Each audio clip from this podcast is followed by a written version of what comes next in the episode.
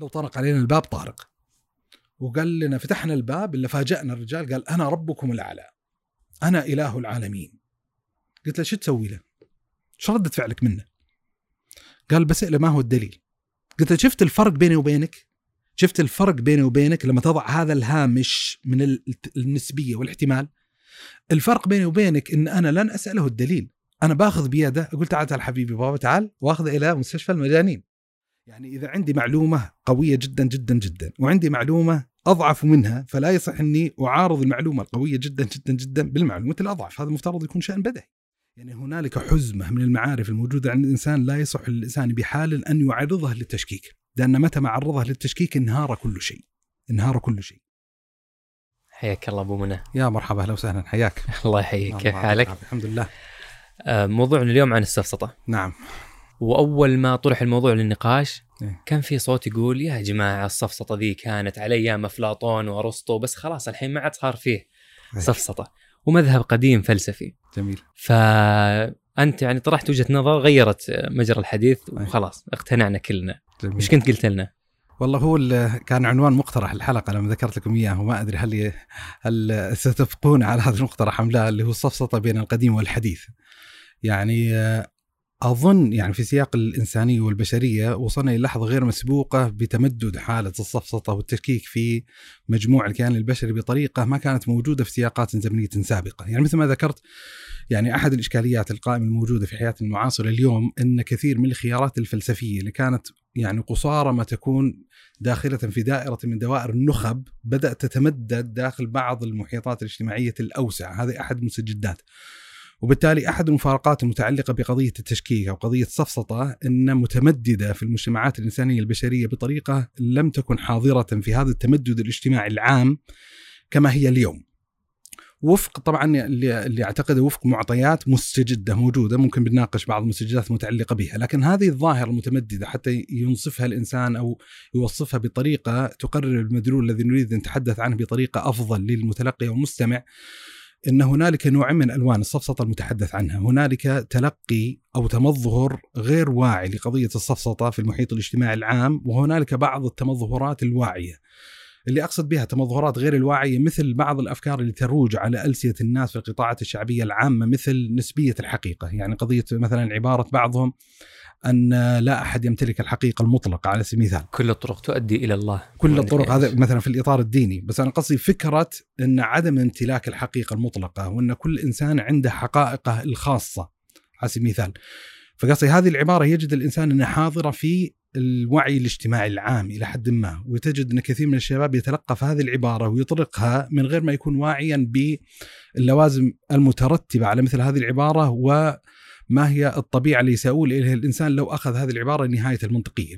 في تمظهرات أنا أزعم كذلك انها واعيه ووجدتها حاضرة في بعض النقاشات اللي دارت بيني وبين مجموعات من الشباب إني كنت أفاجأ يعني كنت أظن مثل ما ذكرت في بداية الكلام إنه هو مجرد يعني نخبة فلسفية معينة وجدت في عصر سالف ماض لكن كان الأمر المفاجئ بالنسبة لي إني أخوض بعض النقاشات الشبابية فأفاجأ إنه يؤول النقاش وهذه ليست قليلة إلى منطقة من مناطق السفسطه.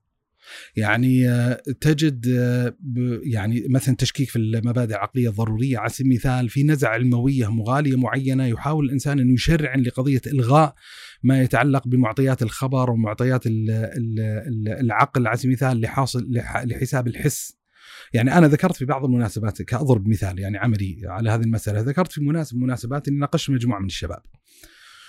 وحصل طبعا نقاش طويل جدا وأفضل نقاش هذا بحمد الله سبحانه وتعالى إلى قناعة الطرف المقابل من كنت أناقشه بأن هنالك أمر مفارق لهذا العالم هو المتسبب في إحداث هذا العالم وإخراجه من عالم العدم إلى عالم الوجود وأن هذا الشيء الذي تسبب في هذا الإخراج متصف بالقدرة ومتصف كذلك بالعلم. هذا نقاش رقم واحد. انفض السامر رجعنا المناقشه اللقاء بعدها وساعات طويلة. ففوجئت في بداية النقاش أن مسار النقاش غريب وشعرت ان أن الأرضية المشتركة الموجودة بيني وبين الطرف المقابل بدأت تنحسر بشكل غريب جدا. فأحببت أني أستثبت من الإشكالية اللي وقع فيها الطرف المقابل. كانوا ثلاثة من الشباب اثنين منهم يتبنون هذه النظرة. الاستثبات بديت أحاول أعيد ترتيب ما يتعلق ببعض الأصول والمبادئ الأبوية المتعلقة بنظرية المعرفة، يعني كنت أقول لهم أن معارف الإنسان في الجملة في هذه الحياة الدنيا لا تخرج عن أحد مسارات ثلاثة أصلية. العقل، الخبر والتجربة الحسية. فأخذ وأعطي أخذ وأعطي فاكتشفت من أثناء النقاش إنهم لا يؤمنون إلا بما كان واقعا تحت التجربه الحسية المباشرة. أحببت إني أستثبت من هذه الإشكالية إن هل فعلا هم جادين بإلغاء كل ما يتعلق بقضية العقل، كل ما يتعلق بقضية الأخبار وإنهم يتوقفون فعلا عما يتعلق بتجاربهم الحسية المباشرة. فطرحت عليهم سؤال، يعني سؤال ساذج موجود في نظرية المعرفة، فقلت لهم لو عندنا برتقاله على سبيل المثال وقسمنا هذه البرتقاله إلى أربعة أجزاء. فهل ربع البرتقالة أكبر أو مساوي أو أصغر من مجموع البرتقالة؟ فكان الأمر المفاجئ لي صراحة الأمر المفاجئ لي قاعد متأكد من التسجيل يعني. تدري جات حالة وسواسية يعني إيه. إنه قاعد يسجل ولا؟ شو مو بزي الساعة ونص اللي طارت علينا. أيوه طيب. فاللي حصل إن من إن طرحت عليهم السؤال فكان الأمر المفاجئ لي إن ذكر أحدهم إن ما نستطيع أن ندرك جواب هذا السؤال حتى نجرب. يعني نجيب برتقالة نقسمها أربعة أجزاء نقارن ربع البرتقالة بمجموع البرتقالة كاملة. واصلت معهم قلت لهم أنا عندي في البيت كتاب كبير مشهور للإمام ابن تيمية رحمة الله عليه اسمه مجموع فتاوى ابن تيمية يقع في 37 مجلد، هل المجلد رقم واحد من مجموع فتاوى ابن تيمية أصغر ومساوي وأكبر من مجموع فتاوى ابن تيمية؟ فأحدهم على سبيل الدعابة قال زرناك في المكتبة يا ابو صالح وشفنا الكتاب هذا وقارنا بين المجلد الأول ومجموع الكتاب نستطيع التوصل لجواب هذا السؤال. كان قدامنا أذكر دلة دله قهوة وقدامنا فنجان. فسألته قلت له تقدر تشيل ال- ال- الدلة؟ فقال لي نعم. ورفع الدلة. قلت له جميل جدا. قلت له طيب تقدر تشيل الفنجان؟ فراح مد يد الفنجان. فقلت له لا وقف زين. أبغى بناء عن نظرة تحليلية استدلالية. يعني بناء على معرفتك بأنك قادر على حمل الأثقل هل تستطيع أن تدعي هذه الدعوة وتقفز هذه القفزة الإيمانية بانك قادر على أن تحمل الأخف؟ بس هذا السؤال اللي هو هل يمديك تشيل الفنجان ولا لا إيوه بدون ما. تجرب؟ بدون ما تجرب إيوه. إيوه. فقال لا ما أعرف حتى أجرب يعني راح رفع الفنجان ونزله قال لي أقدر إي فأذكر طبعا هم كانوا يعني من مدينتكم مدينة الرياض وأنا جاي من مدينة لا يمثلون الرياض. فجيت أنا من الشرقية فكان جزء من الحوار والنقاش قلت لهم يا جماعة أنا ما يعني قطعت يعني قريبا 400 كيلو لنتناقش إنه واحد زائد واحد يساوي اثنين يعني مش هذا اللي كنت متخيله في النقاش قلت إحنا الحين واقعين في مأزق حقيقي يعني القاعدة ال- المعرفية الوحيدة التي نستطيع أن نتجاذب أطراف الحديث حولها هو هذه المساحة ما يتعلق بقضية العقل.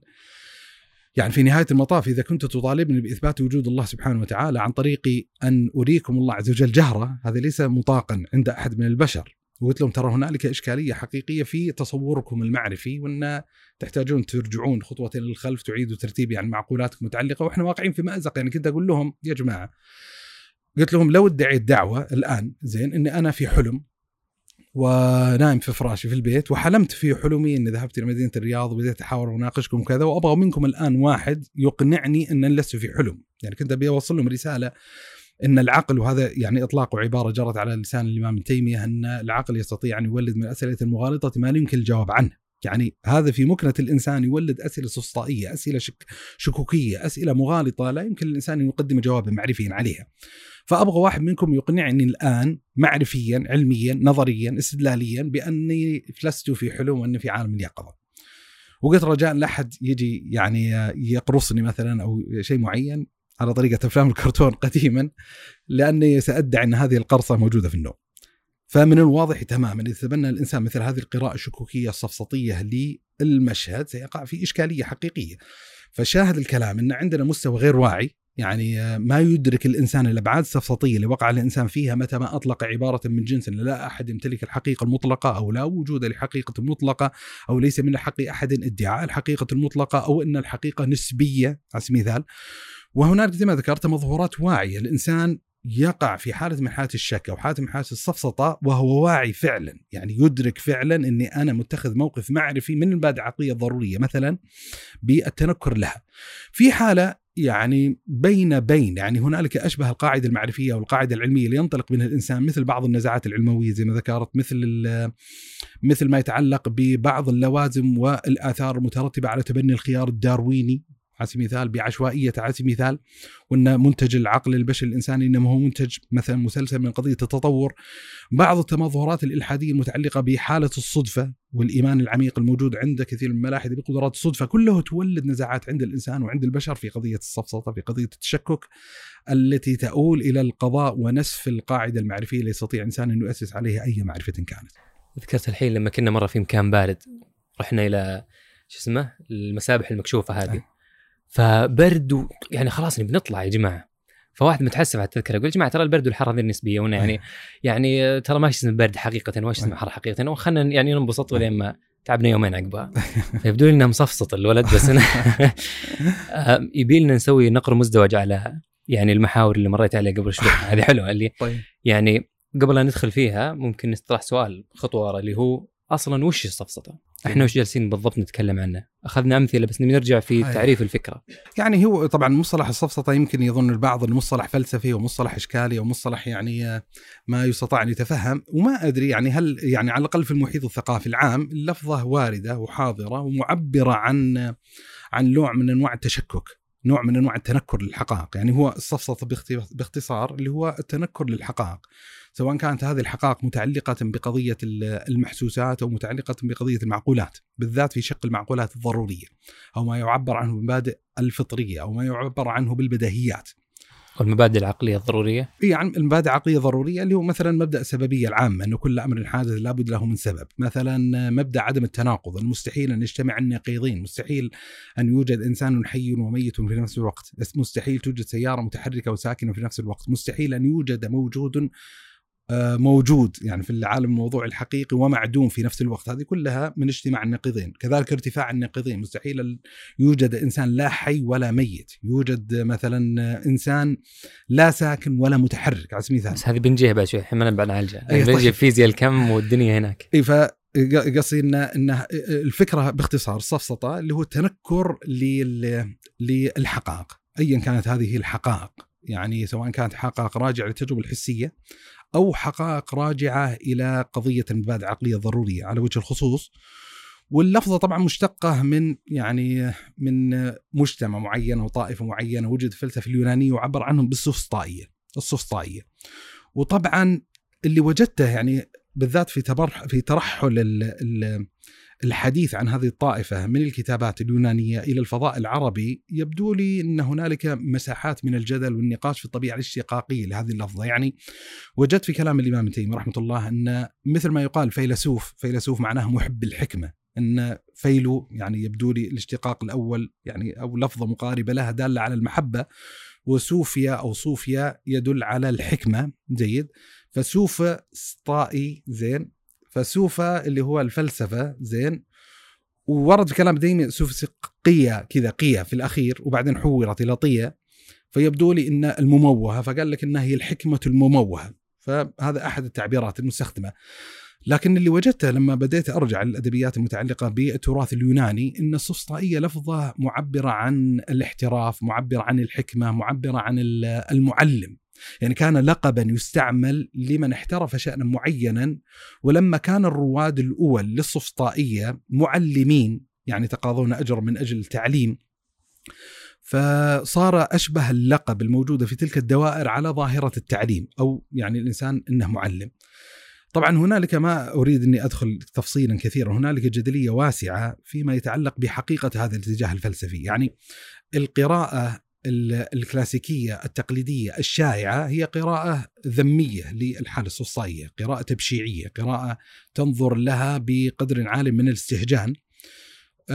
وهي القراءة الرائجة. يعني هي القراءة الرائجة وحتى في الأدبيات العربية والأدبيات الإسلامية يتم التداول السفسطائية باعتبارهم يعني أس الشكاك. يعني يمكن نجي بالكلام لقضية الشك وأن هنالك نوعين من أنواع الشك شك مذهبي وشك منهجي. الشك المنهجي هو شك يتطلب به الوصول للحقيقة الشك المذهبي لا هو يعني يبتدئ الإنسان فيه من الشك لينتهي إلى الشك وأن أظهر تمظهر له في السياق البشري الإنساني اللي هم السفسطائية هذا يتحدث عنه.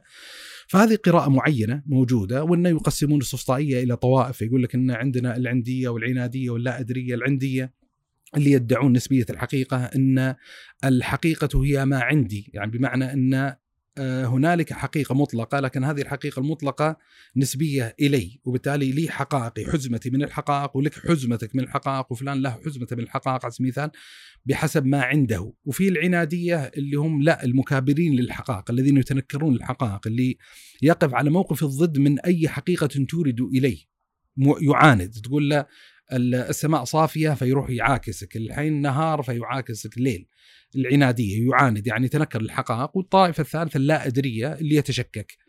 لا يدري هل هذا موجود هل هو معدوم هل هذا ليل هل هذا نهار هل هذا الشمس هل هذا القمر يعني يتردد. هذه الطوائف دائما يعني مشهور جدا ذكر الصفصائية وذكر أنهم على أطراف وأنواع ومنهم من يجحد الحقائق ومنهم من يجحد العلم بالحقائق ومنهم من يتشكك ولا يدري. على سبيل المثال طبعا الإشكالية اللي اللي يجب أن يتنبه لها، أنا أذكر أني قرأت كتابا يعني جميلا ومشروع علمي جميل في موضوع الفلسفة للدكتور الطيب أبو عزة.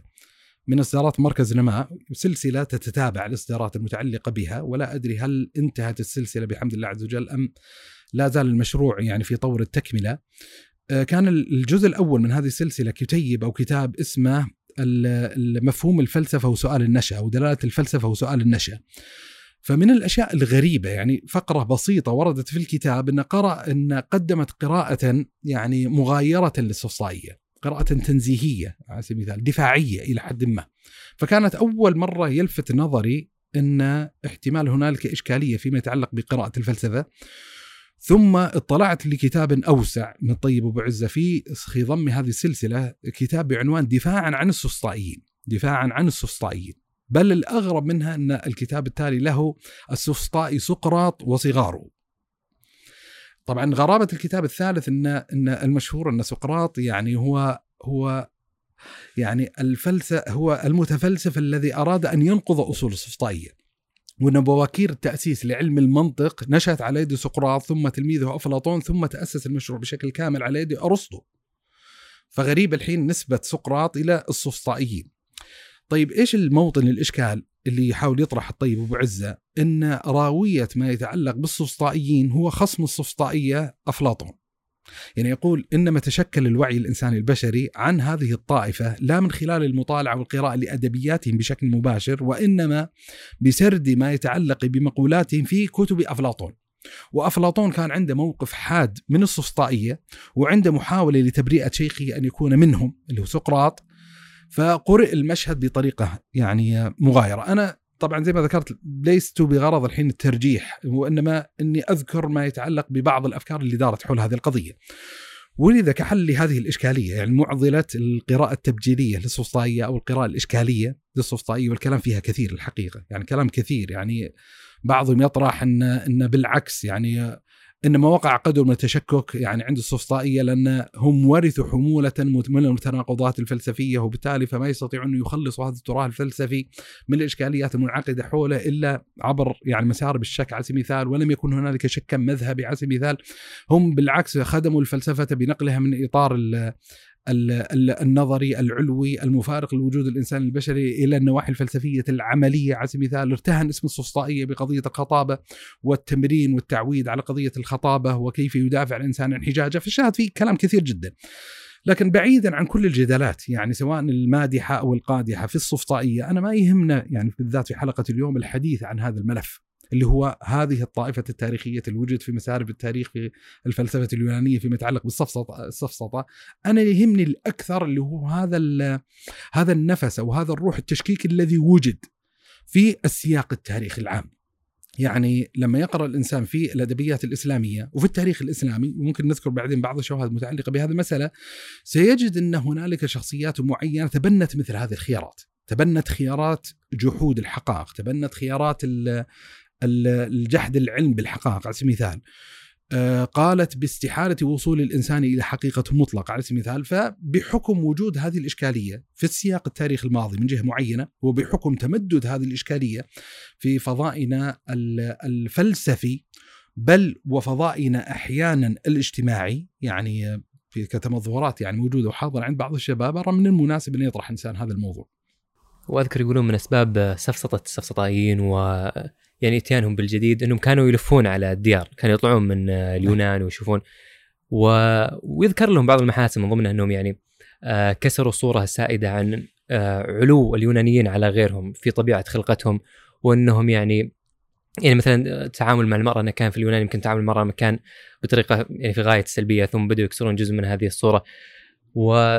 ويبدو انه يمكن مو بسبب سفسطائيتهم وصلوا لها النتيجه يمكن بسبب أخذ لفتهم يعني حول حول المنطقة. و...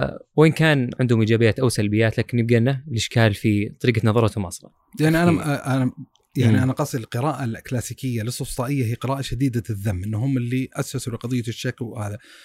ما يعني هذا طبعا قراءة يعني حتى إذا قرئوا بقراءة أخرى ليس المقصود امتداح المقولات اللي قالوا بها يعني في الأخير المقولات الفلسفية اللي أسسوها هي بعيدة تمام البعد عن هدى الوحي كما يقال ولا تت وتتضمن مشكلات وكذا. بس أنا قصدي إن الأطروحة على الأقل اللي قدمها الطيب وعزة وهي أطروحة بالمناسبة حاضرة في كثير من التداولات الفلسفية حيال السفسطائيه إن لا لم يؤسسوا لقضية الشك المطلق هذا هذا قصار الأمر إن لم يعني لم يؤسسوا لهذه الصورة البشعة لقضية السفسطائيه وزي ما ذكرت أنا لست بصدد الحين الترجيح يعني هذا الخيار وهذا الخيار. أنا مجرد وضيء ما يتعلق بالجدل القائم حيال هذا الملف. وزي ما ذكرت أنا ما يعنيني كثيرا الحديث الآن عن قضية طائفة فلسفية معينة مخصوصة لقبت بالسفسطائيه ما هو الموقف منها؟ لأن زي ما قلت لك يعني أحد الطروحات المتداوله بها أصلا عدم صحة يعني يغطوا بغطاء واحد وإنه مفترض أن يتعامل مع كل فيلسوف على حده وان لا يوجد ذلك القدر المشترك الذي يصحح إطلاق عليهم السفسطائية كاتجاه يعني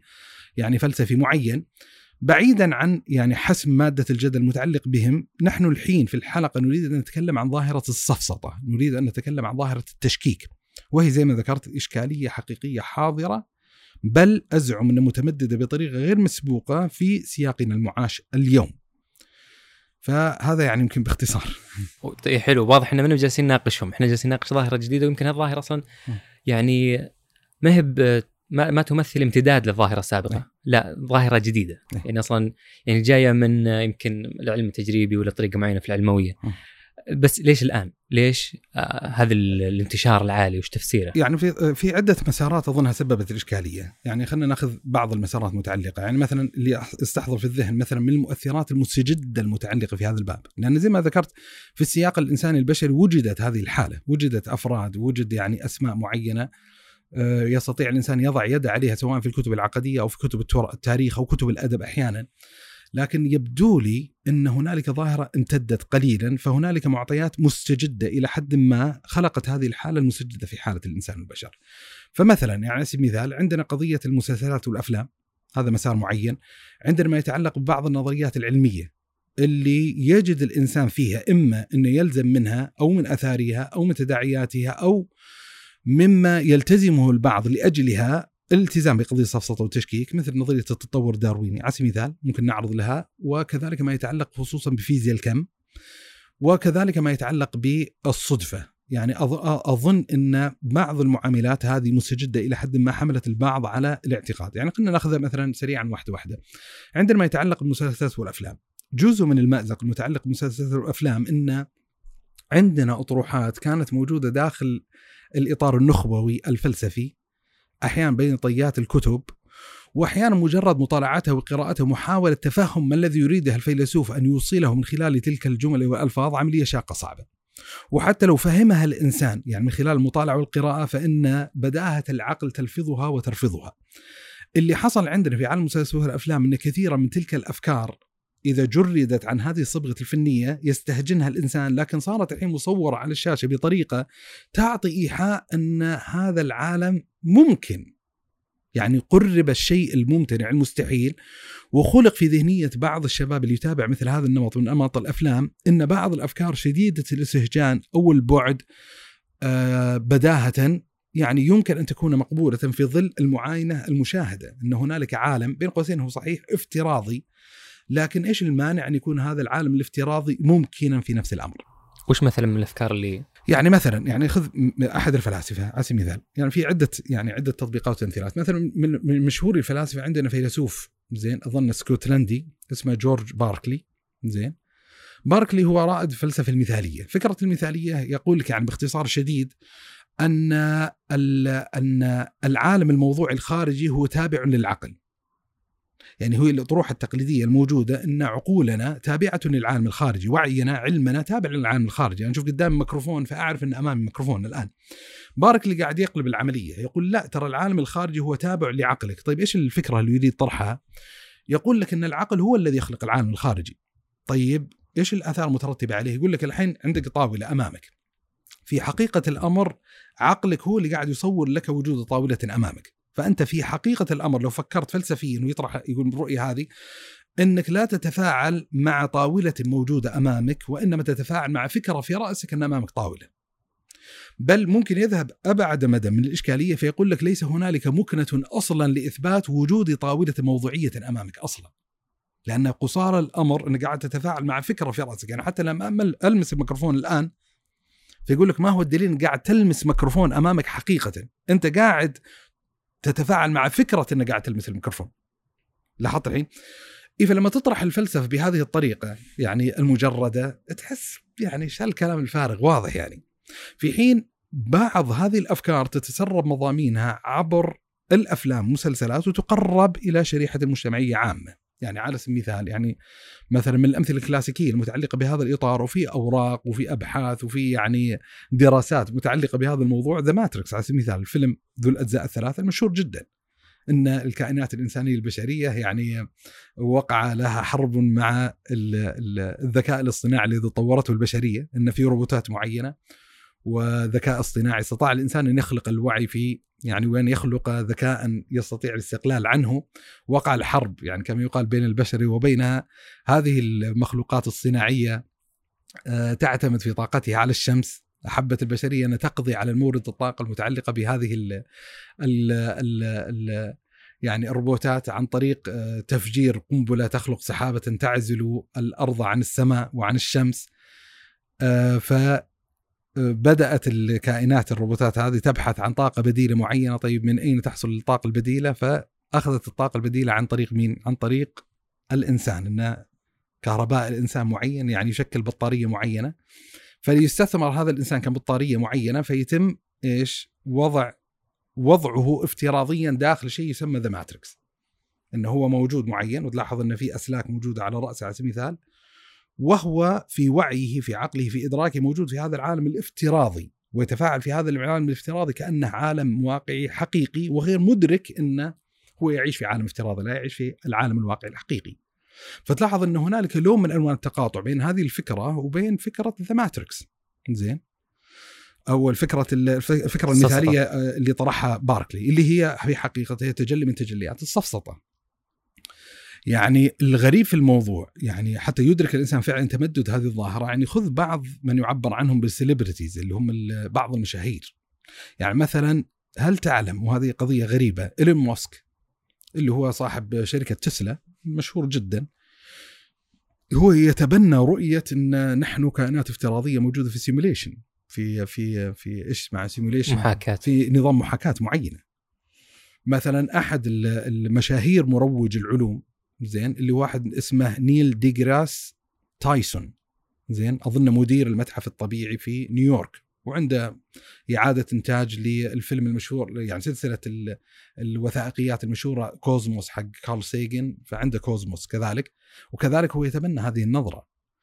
بل يعني يحاول يقول إن يعني إذا نظر الإنسان في العالم الذي نعيش فيه فإنه يقترب إلى حد معين من كثير من المعطيات المتعلقة بالعوالم الافتراضية التي نتفاعل معها مثل الألعاب ال games يقول مثل ما عندنا الحين في اللعبة تدري الحين في بعض الألعاب في البلاي ستيشن وغيرها لما يمشي يعني الشخص فيها إلى نهاية اللعبة إلى أطراف اللعبة أحيانا يصير في تشوف اللعبة قدامك في فضاء قدامك ومع ذلك تلاحظ جالس يركض الرجال وما قادر يتجاوز الموضوع.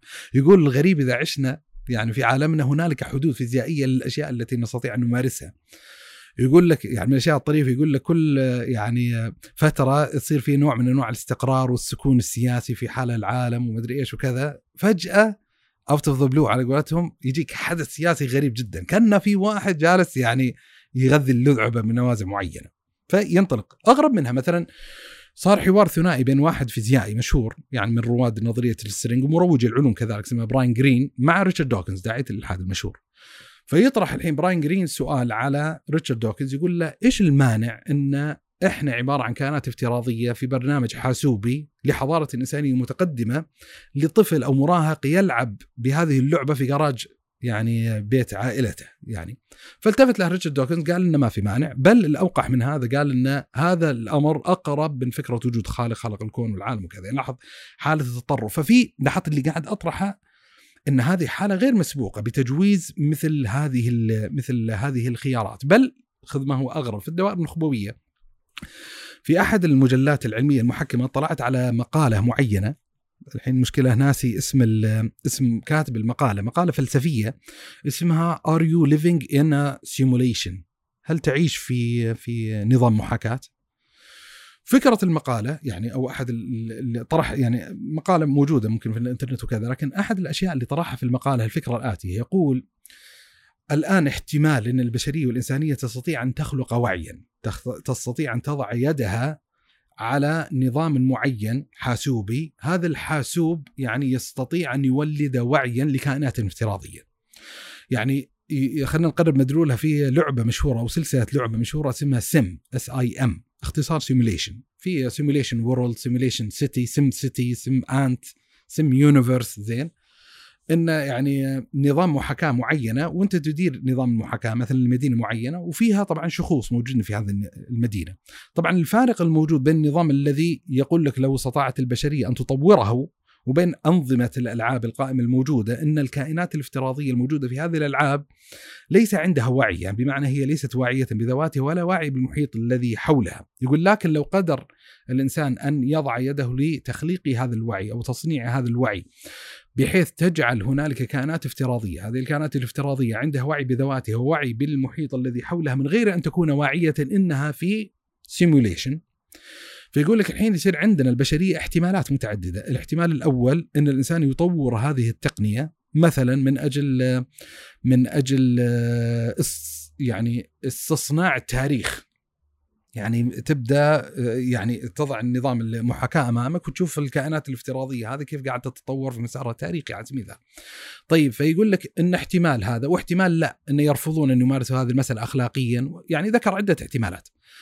يقال لك طيب إذا افترضنا إن وضعوا يدهم على التقنية وساروا فيها فهو ينطلق بعدها إلى تقديم نتيجة معينة ان احتماليات أن نكون الآن في واقع افتراضي أعلى نسبة بكثير جدا من أن نكون موجودين في واقع موضوعي عالمي. طيب إيش السبب اللي يقوله؟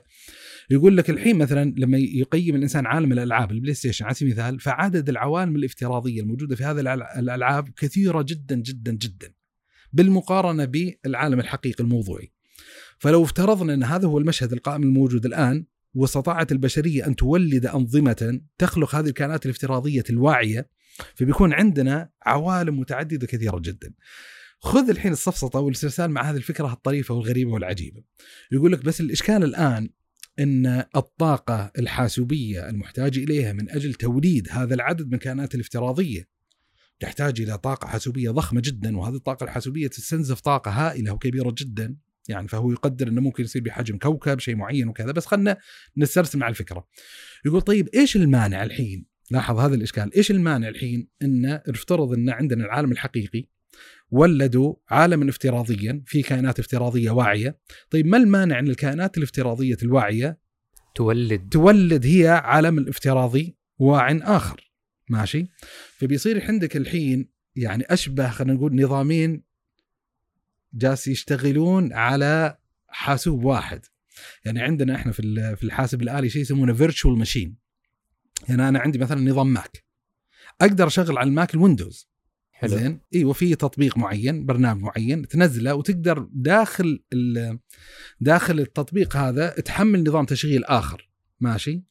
محاكاة النظام بس إنه يستعمل نفس معالج أيوة يصير ال resources حقته الموارد حقته يستخدم ال RAM يستخدم ال processor زي كذا فيتناصفه أو بحسب التوزيع اللي تقيمه. فطيب الحين عندنا عالم وعندنا الحين حاسوب. الحاسوب هذا موجود في عالم افتراضي. طيب إذا كون عالم ثاني بيصير مجهد بعدين نفترض العالم اللي بعده العالم اللي بعده فهو يقدم خشية نشوف الحين استرسال مع الافكار الغريبه يقدم خشية يقول لو قدر إن إحنا الحين نحن البشر استطعنا أن نطور جهاز وفرحانين الحين بنشغل الكمبيوتر هذا الذي سيولد عالما افتراضيا واعيا. أيوه بتشغله في اللحظة اللي بتشغله فيه بيطفى كل شيء لأنه بيصير overload على الحاسوب الأول. موطن الشاهد من طبعاً- جدة ويطرحها؟ إي طبعا أقول لك ورقة علمية فلسفية في أحد المجلات محكمه مش يعني مش واحد في منتدى المنتديات ولا لا يعني فيلسوف موجود له مقاطع في ال في ال في اليوتيوب. أنا سبحان الله ناسي يعني اسمه الآن.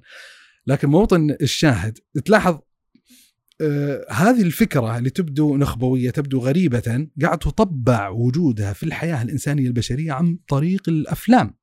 يعني خذ مثال آخر. مثلا في أحد الفلاسفة الصينيين عنده يعني فلسفة غريبة متعلقة بإطار فلسفي معين وهي أحد الأدوات أصلا لبث الفلسفة السفسطة وهي ال ال الأحلام. يعني إن كيف يستطيع الإنسان أن يميز بين عالم الواقع وعالم الأحلام. كيف نضمن الآن أنا وأنت قاعدين نتحاور محاوره حقيقية وإني لست متحمسا في حلم من الاحلام قاعد أتكلم يعني على سبيل المثال. فأحد الفلاسفة الصينيين له عبارة يقول يعني يقول هل أنا يعني حلم مرة أنه فراشة فطرح السؤال عن نفسه هل أنا إنسان يحلم أنه فراشة أم فراشة تحلم أنها إنسان؟ فتلاحظ الحين غريبة الفكرة وأحيانا يعني إذا أراد الإنسان يحاكم نفسه وفق المعطيات الضرورية التي يحس بها من نفسه إن أنا أشعر بالضرورة أني في عالم حقيقي وان أستطيع ان أميز بين العالم الحلم وعالم الحقيقة وان ما أدخل في دائرة السفسطه اللي يفترضونها. الآن كم عدد الأفلام اللي تبنت هذا النموذج؟ يعني تبنت فكرة يعني أو ثيمة الأحلام في جعل هنالك أو إزالة الحد الفاصل بين العالم الحقيقي والعالم الافتراضي أو عالم الأحلام، يعني مثلا في مسلسل اسمه أويك، فكرة المسلسل هذا أن أب معين يقع له حادث سيارة وفي السيارة كانت زوجته وابنه. فاللي يحصل أنه ينام فإذا استيقظ وجد نفسه في عالم ابنه حي وزوجته ميتة. زين. ثم إذا نام صحى وجد نفسه في عالم الابن ميت والزوجة حية. لاحظت بعدين يرجع ينام فيجد نفسه في العالم الأول. فقاعد الحين الفكرة الفلسفية الموجودة في هذا المسلسل اللي هو قصة إيش؟ هل هو حلم هنا وهذا هو العالم الحقيقي أم هو حلم هنا وهو العالم الحقيقي في الضفة الأخرى؟ مثلا في فيلم مشهور جدا اسمه انسبشن على سبيل المثال اللي هو قضية أن حلم في حلم وقصة يعني كما يقال طويلة فيما يتعلق بهذا الباب. مثلا في فيلم مشهور اسمه Westworld على سبيل المثال. له علاقة بفكرة الكائنات الافتراضيه وعدم القدرة أحيانا إنه يعيش الكائن الافتراضي في عالمه غير واعي إنه مجرد يعني خلينا نقول كائن افتراضي روبوت عنده ذكاء اصطناعي لا يستطيع أن يفرق بين وجوده والوجود البيولوجي الإنساني البشري. فشاهد إنه كثيرة يعني مثلا أحد المسلسلات الأفلامية اللي راجت أشوف الفترة الأخيرة فيلم اسمه أو مسلسل Dark فيعتمد كذلك إطارة من إطار السفسطة قضية أن الإنسان يرجع في التاريخ ويرجع في التاريخ ويذبح نفسه ويذبح مدري كيف. وهذا في الإطار الفلسفي يسمى دورا. مستحيل الإنسان يعني يولد ليعيش ليقتل نفسه ما تجي. طيب إذا هو قتل نفسه فهو مات فكيف يستطيع أن يكون موجودا؟ يعني لكن الإشكالية زي ما قلت لك الحين ليش قاعد أنا أذكر النماذج والأمثلة هذه؟ ليست الأمثلة والنماذج مقصودة لذاتها أن يعني القصد الأساسي أن في جدل يعني سفسطائي يدور أحيانا في دوائر النخبة يستطيع الإنسان يفتش عنها في بطون الكتب لكن الآن هذه الرؤى الفلسفية السفسطائيه قاعدة تروج على نطاق اجتماعي واسع جدا ويطبع حضوره في الوعي الاجتماعي العام بحيث يتوهم كثير من الناس إنه إيش المشكلة؟ إيش المشكلة؟ إيش المانع؟ ف منطقة الشاهد إن إن أحد الأدوات اللي أظن إنها روجت لهذه المفاهيم قربتها على سبيل المثال جعلتها داخلة في حيز الممكن عند بعض الناس وعند البشر مع وجوب القناعة باستحالتها عند بداهة الرأي وأن الإنسان لا يتفاعل في حياته اليومية باعتباره كائنا افتراضيا وأن اللوازم المترتبة والآثار الأخلاقية على مثل هذا التصور خطيرة وكارثية. يعني في جدل وفي أشياء كثيرة جدا يعني ممكن نأتي لها بالذكر بعد قليل. حلو. غطينا موضوع المسلسلات وأن طيب. كيف قدرت توصل إلى شريحة واسعة من الناس. وبعضها كانت جلست توب 10 فترة طويلة. يعني معناها أنها لها رواج واسع جدا عند شريحة جديدة الجيل الجديد هذا وش احتمالات يعني آه، حصر الاحتمالات الموجودة عنده غير موجودة. يعني احتمالات اللي بتكون في ذهنه عن أسلوب معيشته وحياته لا يمكن حصرها كذا. طيب. يعني أذكر يعني أذكر مثلا من المسلسلات القائمه الموجودة اللي يظهر لي إن مقصودها الأساسي يعني أو أحد مقاصدها الأساسية اللي هو تقريب كثير من الرؤى الفلسفية المتنوعة في الحياة الاجتماعية العامة اللي هو بلاك ميرور مشهور يعني أظن ما أدري له عدد من الأجزاء. كل حلقه تلاحظ تركز بل أحد يعني أول فيلم يسمونه أول فيلم تفاعلي يعني بمعنى إن الجمهور يشاركهم في بناء المسلسل عبر الخيارات القائمة الموجودة اللي هو Black Mirror بين قوسين الظاهر اسمه Bandersnatch ولا زي كذا اللي هو فكرة العوالم المتعددة. إن أنت تتابع الفيلم وبعدين تصل إلى لحظة معينة يجي الولد يقتل أبوه أو لا يقتل أبوه. فتصير أنت بالخيار الحين تبي تمشي في هذا المسار طيب. إذا مشيت في هذا المسار ما الأثر اللي سيترتب على هذا المسار؟ وبعدين بيفترق عالمين. فتقدر تمشي في هذا المسار وتمشي في هذا المسار. فشاهد ان ان إن لو طال لو نظر الإنسان إلى عالم الأفلام والمسلسلات وقرأ ما يتعلق بها من التقارير ومن الدراسات الفلسفية سواء في الإطار الديني يعني مثلا The Matrix في يعني لو دخل الانسان مثلا كلمة The Matrix religion على سبيل المثال في جوجل بيلاحظ إن في مقالات عشرات المقالات مما يتعلق بالإيحاءات الدينية المتعلقه بالنبوة، المتعلقه بالمغيب، المتعلقه بفكرة الخلاص، وجود المخلص، المتعلقة بالاطار الفلسفي خصوصا ما يتعلق بالمثالية ومدى إمكانية أن يكون كائنات افتراضية في نظام حاسوبي ما. خطير. وبديت أخاف كيف ممكن الواحد يقدر يبني يقين عند نفسه أي. إذا كانت الأرض بهذه الرملية. بس ممكن نجي لها في خطوة لاحقة. حلوة الرملية بدال السيوله؟ يعني. نحطها عنوان بعد. وطيب هذا بالنسبة للمسلسلات. طيب الداروينية كيف كانت محملة؟ طيب الداروينية يعني ال- طبعا عندي محاضرة مفصلة في قضية الداروينية وأشرت إشارة لما يتعلق بهذه الإشكالية على وجه الخصوص، يعني خلينا نختصر العملية عبر عبارة أطلقها تشارلز داروين نفسه، قال ينتابني دوما شك فظيع. ينتابني دوما شك فظيع. متى ما استحضرت إن هذه العقول الموجودة عندنا هذا معنى العبارة هذا إنما هي نتاج العملية الداروينية. فهل هي تستحق أدنى ثقة؟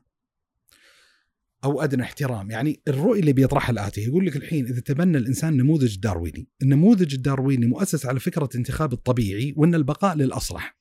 بمعنى آخر إن الكائن إنما يتطور عبر مسلسل التطور الدارويني لاستبقاء الأصلح للبقاء وإن كل خصيصة موجودة في هذا الإنسان إذا تفاعلنا مع الإنسان باعتباره كائن مطورا داروينيا كل امتياز موجود عند الإنسان كل صفة إنما استبقت الطبيعة عليها وطورتها في نفس الإنسان من أجل أن تحقق له البقاء.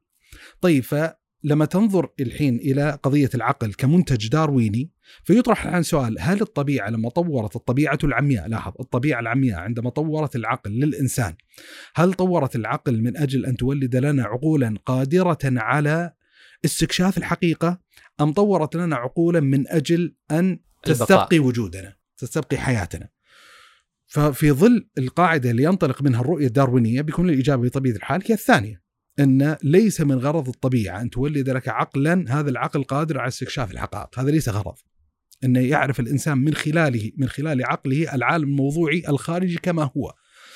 ما المانع الحين في ظل التطور الدارويني أن تطور لنا عقول هي أفضل لبقائنا. مع ملاحظة إن هذه العقول قد تحافظ على بقائنا من خلال تضليلنا بالعالم الخارجي. إن أنت تنظر للعالم الخارجي بطريقة العالم الخارجي في حقيقته وبنيته ليس بالصورة اللي قاعد ينقل لك العقل أساسا. زين؟ ومن هنا أطلق الحين الإشكالية أطلق العبارة. يعني خلينا نأخذها الحين. يعني مثل ما الإنسان لا يقدر تقديرا يعني حقيقيا عقول القردة ويراها ناقصة ناقصة نقشا فظيعا ولا يستطيع التعويل عليها ففي ظل المسلسل الدارويني إذا طور الإنسان إلى كائن أعلى فذلك الكائن الأعلى ما مدى احترامه لعقولنا. وهذه بالمناسبة فكرة حاضرة عند كثير من الرواد الداروينية يعني مثلا أذكر لما كنت أقرأ كتاب الصديق الدكتور سامي عامري له كتاب اللي هو براهين وجود الله عز وجل عقد فصل فيما يتعلق بهذه القضية اللي هو قضية النظر الداروينية وعلاقتها بالعقل وذكر عدة أسماء يعني فرانسيس كريك على سبيل المثال اللي هو المستكشف مع مع صاحبه اللي هو ما يتعلق ب ب يعني تشكل ال DNA يعني يعني معروفة فطرح نفس الإشكالية طرح نفس الإشكالية. وكثير يعني مثلا من الأسماء اللي اللي تحضر الآن في بالي لحظه التصريح المغالي المكاشف المعبر عن هذه الحقيقة وصلة الداروينية بكثير من التمظهرات الإشكالية القائمه الموجودة عندنا لورنس كراوس أحد الملاحدة المشاهير يقول لك إن الداروينية طبع طورت لنا عقولا من أجل أن نستطيع أن نعيش في غابات السفانة في أفريقيا لكن لم تطور لنا عقولا قادرة على فهم فيزياء الكم. وبالتالي هو يطرح هذه الرؤية أن فكرة المبادئ العقلية الضرورية متى ما تعارض مع المعطيات المتعلقة بفيزياء الكم فالإشكال الحقيقي الواقع في المبادئ العقلية الضرورية لماذا؟ لأن الطبيعة طورت عندنا عقولا يستحيل في ضوئها أن تؤمن باجتماع النقيضين لحاجة الإنسان للبقاء يستحيل في عقلنا أن يكون أمر حادث من غير سبب لحاجتنا للبقاء من غير أن يكون العالم الخارجي بالضرورة يعني على هذه الصفة على هذه الهيئة فهذا ما يتعلق بقضية التطور الدارويني والإشكاليات المتعلقة به واللي أراه فعلا إذا آمن الإنسان بأن عقل الإنسان هو منتج دارويني بما يختزن كلمة الداروينية. يعني أنت لاحظ بتلتزم الحين فكرة العشوائية تلتزم أن الطبيعة العمياء بين قوسين هي اللي طورت عقلك. طيب كيف يمكن للعشوائية والطبيعة العمياء أن تطور عقلا؟ هذا العقل عنده المكنة أن يستكشف الحقيقة. إيش الضمانة القائمة موجودة؟ إيش الضمانة في خضم الاحتمالات اللامحدودة أن يطور لك عقل مضلل. عقل لا يصادف محلا يعني يستطيع الانسان من خلاله أن يقف على الحقيقة. ويكفي أن تشارلز داروين اللي وضع النظريه هو يعبر عن تردده عن شكه عن الرعب الذي أنتابه كلما فكر في هذه الفكرة. طيب وإيش الأثار؟ بعدين بنذكر إيش الأثار المترتبة على تبني. إذا ألغى الإنسان معامل العقل وحيده جانبا كيف يستطيع أن ينظر للوجود؟ كيف يستطيع أن يتوصل للحقيقة؟ كيف يستطيع أن يتوصل إلى صدقية نظرية التطور الدارويني اللي هي مؤسسة في حقيقة الأمر على مبادئ عقلية ضرورية؟ جابك الله لما قلت فيزياء الكم قبل شوي إنه في ناس في اليوتيوب جالسين تروحون إنه يا أخي فيزياء الكم تحتمل فكرة إنه تجتمع النقيضين مع بعض. أي حد طرحه؟ طرح مبني على شكل صحيح؟ والله يعني يمكن إحنا ذكرنا معنى أذكر أظن في حلقة القوس قزح الظاهر. ذكرنا معنى اللي هو قضيه إن في فرق بين مقامين في مقام التبرع في تقديم الجواب استمساكا بالمحكمات المتعلقة بالباب ثم الدخول في الباب للإجابة التفصيلية المتعلقة به. يعني المفترض يعني إن إن تشكل في وعي الإنسان قاعدة واضحة وبديهية إن لا يصح للإنسان أن يعارض الضروريات بالنظريات، هذه قاعدة أطلقها شيخ الإسلام ابن تيمية. إن لا يصح للإنسان أن يعارض بالنظريات العلوم الضرورية، وان من وقع في ذلك وقع في السفسطه. يعني إذا عندي معلومة قوية جدا جدا جدا وعندي معلومة أضعف منها فلا يصح إني أعارض المعلومة القوية جدا جدا جدا بالمعلومة الاضعف، هذا المفترض يكون شأن بدهي.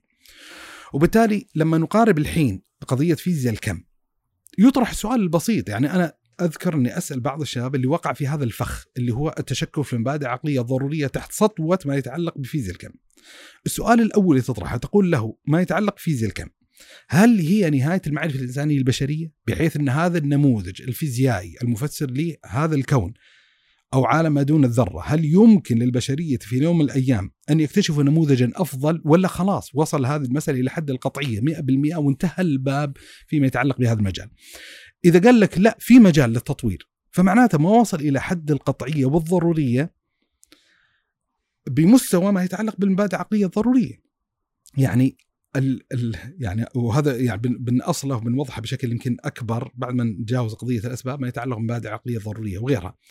لكن هذا الأفق اللي يحتاج الإنسان إنه يلاحظه ويراعيه، يعني قصار الأمر من يدعي معارضة فيزياء الكم للمبادئ العقلية الضرورية فهو في حقيقة الأمر يعارض العلوم الضرورية بعلوم النظرية، وهذا مسلك غير رشيد وغير سوي وغير صحيح، هذا القضية الأولى. القضية الثانية وهي مرتبطة الحقيقة بالقضية الأولى، أنا اللي يظهر لي والله أعلم اللي يقع في هذا الفخ والإشكال إنما روجت عليه كثير من المفاهيم متعلقة بفيزياء الكم من وحي ال pop science من وحي العلوم الطبيعية الشعبية.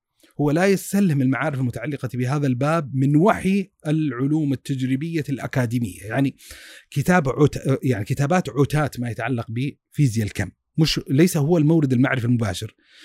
المشكلة اللي تحصل أن أحد العناصر المروجة أو الموظفة من أجل ترويج ما يتعلق بالعلوم الشعبية العلوم الطبيعية الشعبية pop science اللي هو جاذبية المعلومة. يعني ترى في جاذبية لما تقول مثلا قطة شرودنجر ان تجربة معينة فتكون القطة لا حية ولا ميتة أو ميتة وحيه في نفس الوقت على سبيل المثال إن الغرائبية. إذا بعدين دققت النظر في الكتابات والأطروحات والتفسيرات الموجودة داخل ما يتعلق بفيزياء الكم تكتشف أن كم الجدل الموجود داخل هذا الإطار متباين لحد كبير جدا مع كثير من الأطروحات المتعلقة بال pop science وبالتالي أحد التصحيحات والتصويبات اللي يحتاج الإنسان أنه يراعيه فيما يتعلق بهذا المجال أن ما يتداول تحت شعار ال pop science لا يلزم بالضرورة أن يكون دقيقا أو معبرا عن إجماع علمي فضلا أن يكون امرا قطعيا مسلما به عند الجميع. وخذ نموذج يعني من الأغاليط يعني أغاليط ترحل المعلومة. عندنا من التمثيلات الشهيرة جدا المتعلقة بال- بالفيزياء الكم اللي يسمونها قطة شرودنجر قطة شرودنجر مثال مشهور وكلاسيكي في قضية معارضة معارضة أحد مبادئ عقلية ضرورية وهو استحالة اجتماع النقيضين إيش تقول لك شرودنجر يقول لك الآتي يعني الفكرة اللي ابتعثت شرودنجر من أجل إقامة هذه التجربة الافتراضية هي مو تجربة واقعية حقيقية تجربة افتراضية هو أراد انه ينسف يعني أراد أن ينسف هذه الفكرة في امكانيه أن يستدل بفيزياء الكم على نقض المبدأ العقلي الضروري. هو لم يولد هذه ليوصل الرسالة الإيجابية اللي توهمها البعض، بالعكس هو قدم تجربة افتراضية يريد أن يبرهن من خلالها على عبثية واستهجان هذا المعنى، ولذا يعني مع مع أنه هو صاحب المعادله المشهوره معادله شرودنجر المطبقة داخل علوم الفيزياء كم لكن بعد التجربة الافتراضية التي وضعها انتقل من الاهتمام بهذا الفضاء جملة التفاصيل وانتقل إلى الاهتمام البيولوجي أو غيرها من معارف العلوم لأن حس ان هنالك إشكالية فيما يتعلق بهذا الباب. التجربة باختصار إيش اللي بيقول؟ بيقول أنتم تقولون إن هنالك أحكام فيزيائية تنطبق على عالم ما فوق الذرة وعالم ما تحت الذرة. طيب عالم ما فوق الذرة اللي هو الأجسام الكبيرة كما يقال. اجسام ما دون الذرة الجزيئات الدقيقة يعني مثلا قضية الإلكترون الفوتونات على سبيل المثال زين وغيرها من من الجسيمات الدقيقة. فيقول خلونا نفترض الحين تجربات معينة نستطيع من خلالها أن نولد نوع من الافت- الارتباط بين عالم ما دون الذرة وعالم ما فوق الذرة. إيش ال- التجربة الافتراضية اللي أقامها؟ قال لك لو جبنا صندوق والصندوق هذا وضعنا فيه قطة، القطة هذه وضعنا معها سم. السم هذا فوقه مطرقة، طبعا لها يعني عدة عدة تجليات التجربة في عدة كتابات فيزيائية، بعضها مسدس ويطلق رصاصة ايا كان. وهنالك مطرقة بتكسر علبة السم هذه، وهنالك ذرة أو مادة مشعة موجودة داخل الصندوق هذا، وهنالك جهاز لقياس الإشعاع القائم. فالمادة المشعة هذه تتحلل مع الزمن. هذا التحلل محكوم بقوانين الكم اللي هو قوانين ما دون الذرة. الدعوة القائمة الموجودة أن لا تستطيع الحكم سلبا وإيجابا أن وقع التحلل أو ما وقع التحلل باعتبار أنه 50% 50% ماشي؟ وبالتالي الحين بينتقل لما تغلق الصندوق يقول لك احتمال 50% أنه تحلل واحتمال 50% أنه ما تحلل. طيب إذا كان 50% تحلل فمع أعطيك الجهاز المؤشر بيقول لك أنه تحلل المطرقة ستسقط السم سيخرج السم بتموت القطة. لكن الاحتمال الثاني أنه ما تحلل فالمؤشر لن يكون لن ينكسر ستبقى القطة حية. طيب الآن لاحظت ارتبط العالم ما دون الذرة بعالم ما فوق الذرة، الحين القطة حية أو ميتة فيلزم منها في ضوء الفرضية اللي قدمها إن القطة حية وميته في نفس الوقت، لأن الذرة متحللة وغير متحللة في نفس الوقت. وضع التجربة فيقول لهم يا جماعة هذا ليس مقبولا، هذا ليس معقولا، هذا ليس مق... يعني يعني متصورا. وهم يدعون طبعا لا يستطيع الإنسان أن يتوثق من هذه الزاوية أو هذه الزاوية اللي اذا رفع الغطاء وطالع فيعرف الآن انه اختار هذا الخيار أو حصل هذا الخيار الآخر. فالشاهد اللي بس أبي أضرب مثال إن إن هذه أو هذا المثال الشائع المشهور جدا لم يكن مقصود واضعه أساسا اللي هو نصرة يعني فيزياء الكم لنقض المبادئ العقلية ضروريه بل ذكر تجربة تؤكد من خلالها حاله استهجان المتعلق بهذه المسألة. ولذا يعني حتى من الإشكاليات أو الاغاليط اللي متعلقه بعض الشباب لا يفرق بين ما يتعلق بمحارات العقول وما يتعلق بمحالات العقول، لا يفرق بين المحال العادي والمحال العقلي.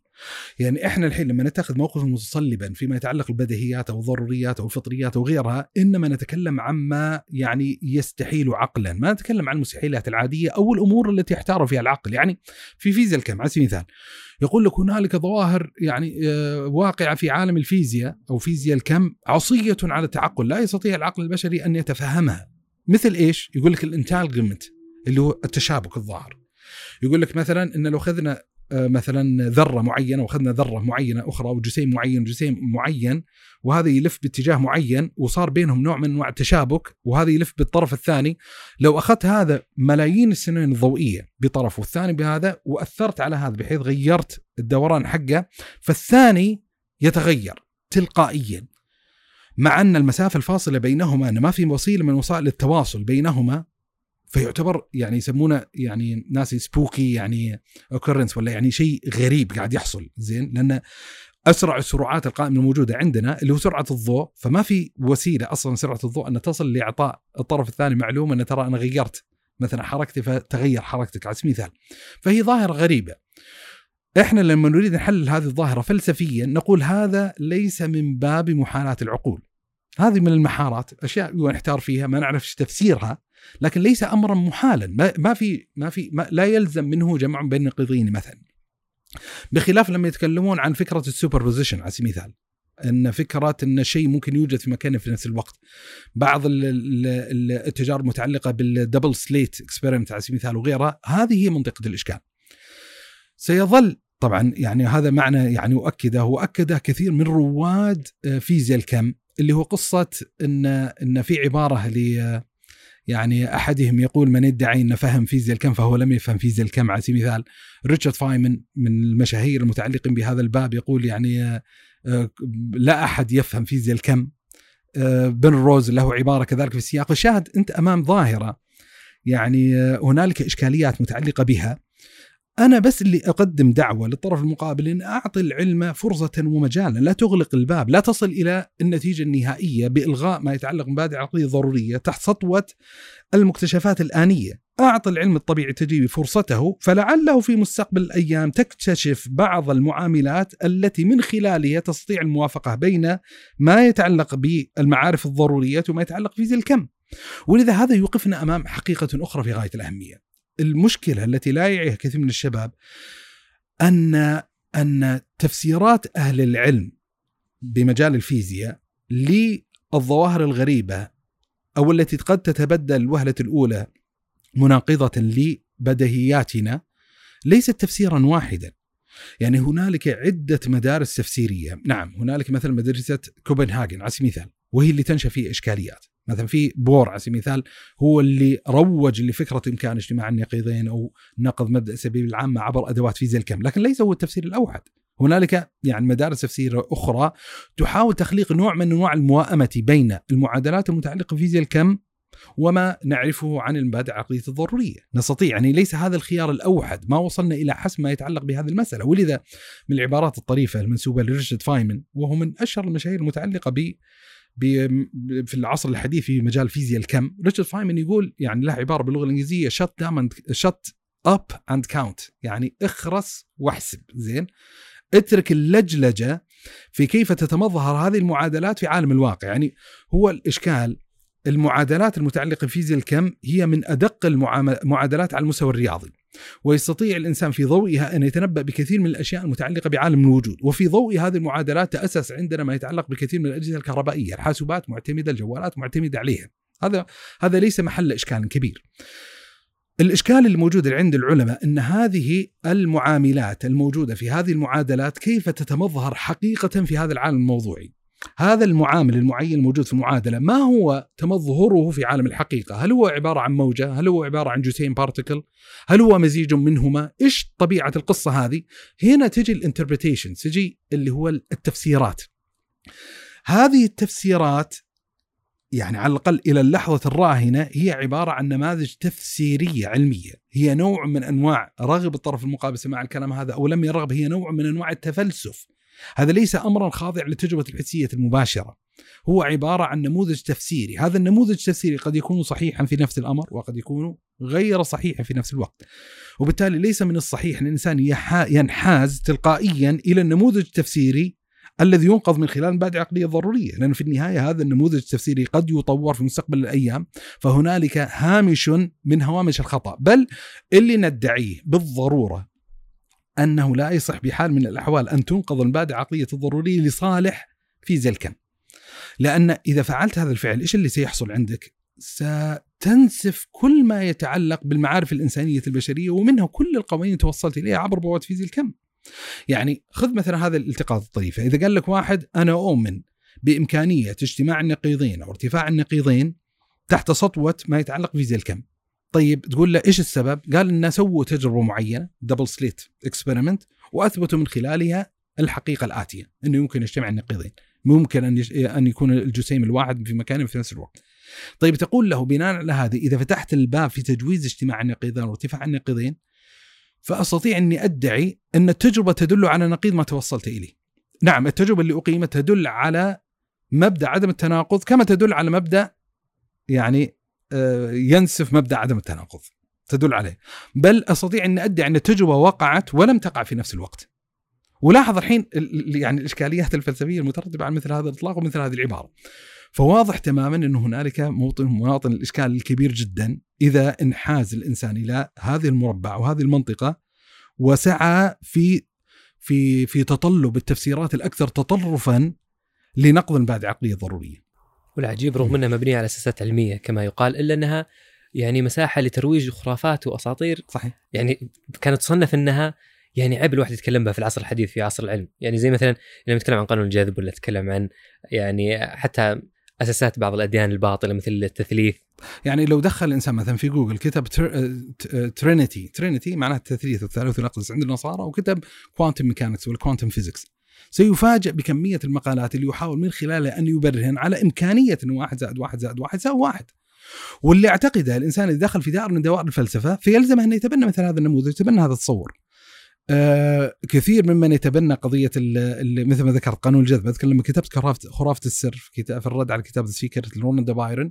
كان أحد الأدوات المعتمدة في هذا الكتاب من أجل التأكيد على إمكانية تأثير وعينا وإدراكنا وعقولنا في العالم الموضوعي الخارجي. هو عبر هذه البوابة عبر بوابة فيزياء الكم. وتلاحظ عاد تجيك إطلاقات معينة يقول لك quantum mystics اللي هو التصوف الكوانتمي quantum healing التشافي ال ال الكمي أو الكمومي وغيرها من المعطيات. فهو يعني هو قصارى الأمر. هل المعادلات يعني خلينا ناخذها حتى في الرؤية الفلسفية الآتية. هل المعادلات المتعلقة بفيزياء الكم معادلات نافعة نستطيع استثمارها؟ نقول لك نعم. وريتشارد فايمن صراحة عبارته جميلة. شد اب اخرس عن ما يتعلق بالتفسيرات. وأثرت صراحة أثرت في المزاج والعقل الأكاديمي الغربي. ترى كثير من الأكاديميات الغربية ليست عابئة في الدخول في منطقة الصراع في كيف تتمظهر هذه المعادلات في عالم الواقع. بل يعني يعني وجدت أكثر من مختص. في مجال فيزياء الكم انتقل من أقسام الفيزياء إلى أقسام الفلسفة تحت ضغط الأصحاب في فيزياء الكم لعدم الرغبة في الدخول في هذه المناطق، ان ما نريد، عندنا معادلة شغالة. طيب الحين سؤال، معادلة شغالة ترى لا يلزم بالضرورة أن تكون معادلة صحيحة، ترى الناس كانوا يعيشون فترة من الزمن يعتقدون إن الأرض هي مركز الكون وأن الشمس تدور حوله وترى كانت ماشيه الأمور بشكل جيد، يعني هذا النموذج العالمي ترى كان يفسر لهم تفسيرات كثيرة جدا في حركة الأجرام العلوية. كانوا يقدموا خدمات كثيرة يعرفون فصل الربيع والصيف والشتاء يعرفون السنة. تقدم خدمات. فمجرد كون المعادلة تقدم خدمات لا يلزم بالضرورة أن تكون صحيحة. هذا رقم واحد. يتعامل الإنسان. هذا مثل طريف وجدته عند أحد الفيزيائيين يتعامل مفترض الإنسان يتعامل مع معادلات فيزياء الكم مثل ما يتعامل الإنسان العامي مع الجوال. يعني أنا عندي جوال ما أدري موجود في الجيب ولا قريب؟ موجود. هذا الجوال زين. عاد الحين يعني مع إني مهندس حاسب يعني المفروض ان أعرف بعض التفاصيل لكني لا أعرف على جهة التفصيل كيف يشتغل الجوال. قاعد يقدم لي خدمات قاعد أستثمره أعرف كيف أوظفه لمصلحتي أوظفه في الشيء اللي أحتاجه.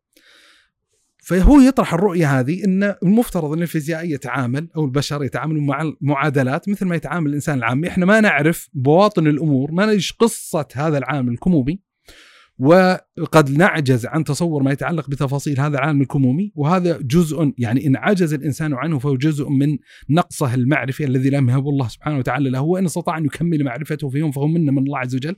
لكن يتعامل الإنسان معه بهدوء لكن يقفز الإنسان إلى هذا المربع. أنا أزعم إن إن سيفتح لنفسه أبواب إشكاليات كبيرة وعميقة جدا ويستطيع الإنسان أن يعود إلى بعض مراجع الكتب. يعني في كتاب طبعوه مركز براهين اسمه الفيزياء الكم بين الحقيقة والخيال. كتاب مترجم كتاب لطيف. جزء من جمالية الكتاب إنه يحاول أن يبسط بعض المعارف المتعلقة بفيزياء الكم ثم يقدم لك حزمة من التفسيرات المتنوعة لفيزياء الكم بحيث يطلعك على أن ليس التفسير الأوحد لفيزياء الكم اللي هو نقض ما يتعلق بمبادئ عقليه ضرورية. هذا تفسير من حزمة تفاسير وأنا أزعم أن هذا تفسير غير معقول وغير مقبول وأن الآثار الفلسفية المترتبه عليه ستكون كارثية بكل الأحوال. يشاهد مقاطع موجود ترى مقاطع. أنا شفت عدد من المحاضرات المتعلقة بفيزياء الكم فيجيك مختص في فيزياء الكم فيزيائي كبير. في أول ما يفتتح محاضرته الشعبية في متعلق أغاليط متعلقة في فيزياء الكم ويذكر لك هذا. ان من الأغاليط بعضهم يقول لك إنه ينسف ماده عقليه ضروريه ينسف الإنتويشن الموجود. يقول غير صحيح يا جماعة الخير ترى أنتم فاهمين الموضوع غلط. زين؟ ولذا يعني جزء من أزمة بعض علماء الطبيعة والتجريب المعاصرين إنهم عندهم ضعف وعندهم إشكال فلسفي. ولذا بعض علماء الطبيعة والتجريب القدامى اللي عنده رؤية فلسفية معينة يتفهم عن ماذا نتحدث عن الإشكاليات، لكن الإنسان إذا كان مستغرقا في هذا الباب ويجيك لورنس كراوس يقول لك الطبيعة إنما طورتنا من أجل أن نعيش في غابات السفانة في أفريقيا لكن ما طورتنا من أجل أن نفهم فيزياء الكم. فيا أخي احكم على العالم كما هو. طز في عقلك زين؟ طيب إذا إذا إذا نسف الإنسان عقله وقال يا آه، لا يصح لك أن تتعامل مع العالم في ظل رغباتك العقلية، لا العالم هو له مستقل له موضوعه فافهم العالم كما هو بعيدا عن سطوة مبادئك وعقلك، تقول أنت لا تستطيع النظر إلى العالم إلا عبر بوابه عقلك. يعني نسفت عقلك أبشرك إذا ضربت عقلك ضربا لا يوجد فارق موضوعي بينك وبين المجنون، المجنون لا يستطيع إنه إنه يتعرف على العالم الخارجي.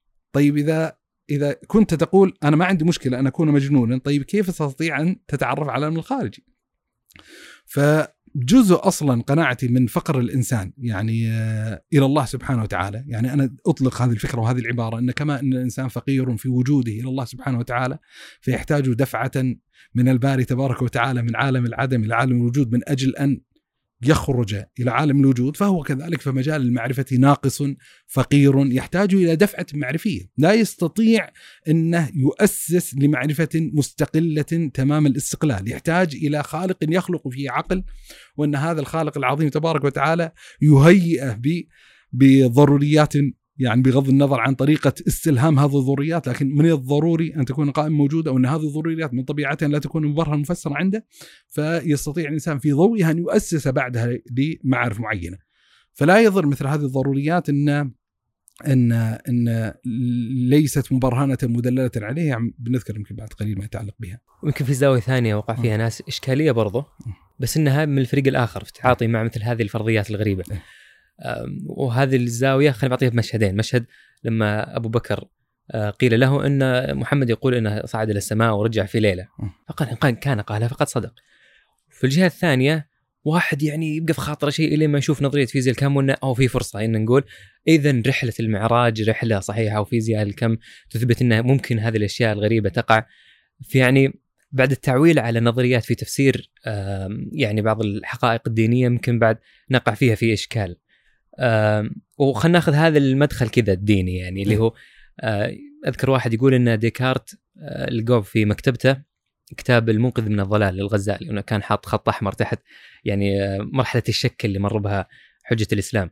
فهنا يجي السؤال يعني ديكارت حجة الإسلام مجموعة من حتى المثقفين مثل نجيب الزامل الله يغفر له ومجموعة يعني جاب بالي كنت كاتب مثلا موسى عليه السلام أتكلم عن ثقافة أتكلم عن انبياء مروا بمرحلة معينة أو فسرت بعض سلوكياتهم أو دعواتهم إنها مرحلة شك أو طلب بيقين من خلال السؤال فهل هذا يجعلنا نقول طيب حلو اذا المفروض إننا يعني نبث الشك في نفوس الناس وفي نفوسنا لأن الشك هو الطريق إلى اليقين. طيب يعني في طبعا تحتاج الحين سؤال لتفكيك عدة معاملات لأن عندنا شخصيات الحين ذكر ديكارت وذكر أبو حمد الغزالي وذكر بعض الأنبياء والرسل وأفكار معينة.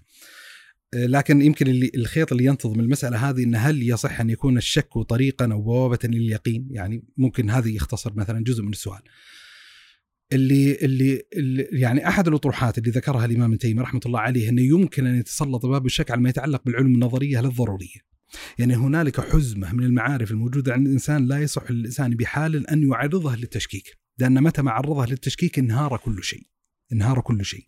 يعني خلينا ناخذ نموذج ننطلق يعني بالتدرج اللي ذكرته. ذكرت ديكارت بس خلينا نرجع خطوة زمانيا إلى أبو حامد الغزالي. قلت المنقذ من الضلال إنه هذه أطروحة واردة في الإطار الفلسفي إن هل ديكارت لما أراد أن يتطلب اليقين عبر بوابه الشك وطلع ما أدري اسمها الكي الكي الكيدو الكوجيتو له عبارة معينة مشهورة اللي هو فكرة أنا أشك إذا أنا أفكر إذا أنا موجود أو أنا أفكر إذا أنا موجود. اللي محاولة التأسيس اليقيني لمعرفة ما عبر بوابة الشك المطلق. يعني يشكك في كل شيء يتشكك في حواسة لأن قد توع يعني بدعواه توقع في التضليل ويشكك كذلك في المبادئ العقلية الضرورية وينتقل إلى حيز الشك المطلق فيريد من بوابة الحيز الشك المطلق أن يصل إلى نتيجة معينة. هو يبدو هذا كثير من المراقبين أن أخذ هذه الفكرة واستلهمها أبو حامد الغزالي. طيب أبو حامد الغزالي من السير الفكرية الماتي على الحقيقة المنقذ من الضلال كتاب لا أمل بمطالعته وقراءته كتاب لذيذ وكتاب جميل الحقيقة وتجربة إنسانية بشرية فيما يتعلق بمجال المعرفة مهم جدا. أبو حامد الغزالي فعلا لما تقرأ كتاب منقذ بالضلال أراد أن يؤسس لمعرفة يقينية دون الاتكاء على يعني مصادرات أو الاتكاء على مبادئ ضرورية أو بديهيات معينة غير مبرهنه ومدلله عنده. أراد أن يؤسس لهذه القضية.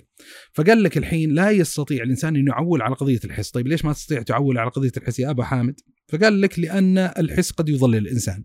الأحول قد يرى الشيء الواحد شيئين ويرى الشمس فيحسبها أصغر من الأرض في حين هي أكبر من الأرض ويرى مثلا العصا توضع داخل البركة الماء فيرى العصا شكلها مكسورة في حين هي ليست مكسورة.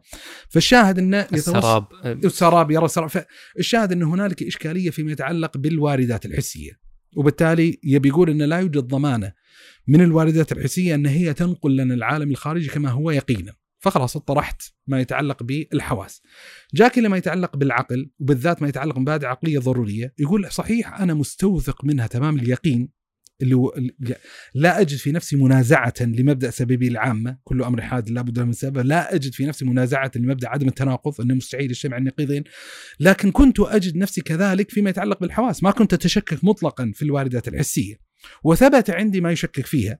فقد يقول لك يطرأ علي معلومة معرفة معينة تشككني في مبادئ عقليه ضروريه فيحتملوني على التشكيك فيها. كوني معرفة الحين لا يلزم بالضرورة انها ملغاه وبالتالي لا يصح لي أن أثق فيها ثقة مطلقة. خلاص جنبنا الحواس وجنبنا الآن العقل جانبا.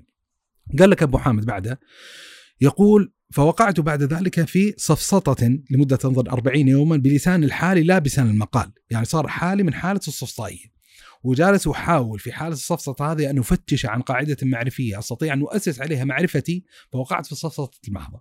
بعد التجربة خلص منها يقول لك ثم أن الله عز وجل عاد لنفس الاتزان المتعلق بمبادئ العلاقه الضروريه وعادت موثوقة في النفس بعد نور قذف الله سبحانه وتعالى في نفسي وكذا. طيب الدرس الذي أتعلمه من تجربة حامد الغزالي انه يقول لك يا ابن الحلال ترى أنا جربت المسلك هذا حاولت إني أؤسس المعرفه اليقينية عبر بوابه الشك ولولا رحمة الله عز وجل ولولا نعمة الله سبحانه وتعالى ولولا هداية الله تبارك وتعالى ولولا ذلك النور الذي قذف الله عز وجل في قلبي لكنت حائرا متشككا مضطربا إلى اليوم. هذه التجربة اللي أنا أقرأها.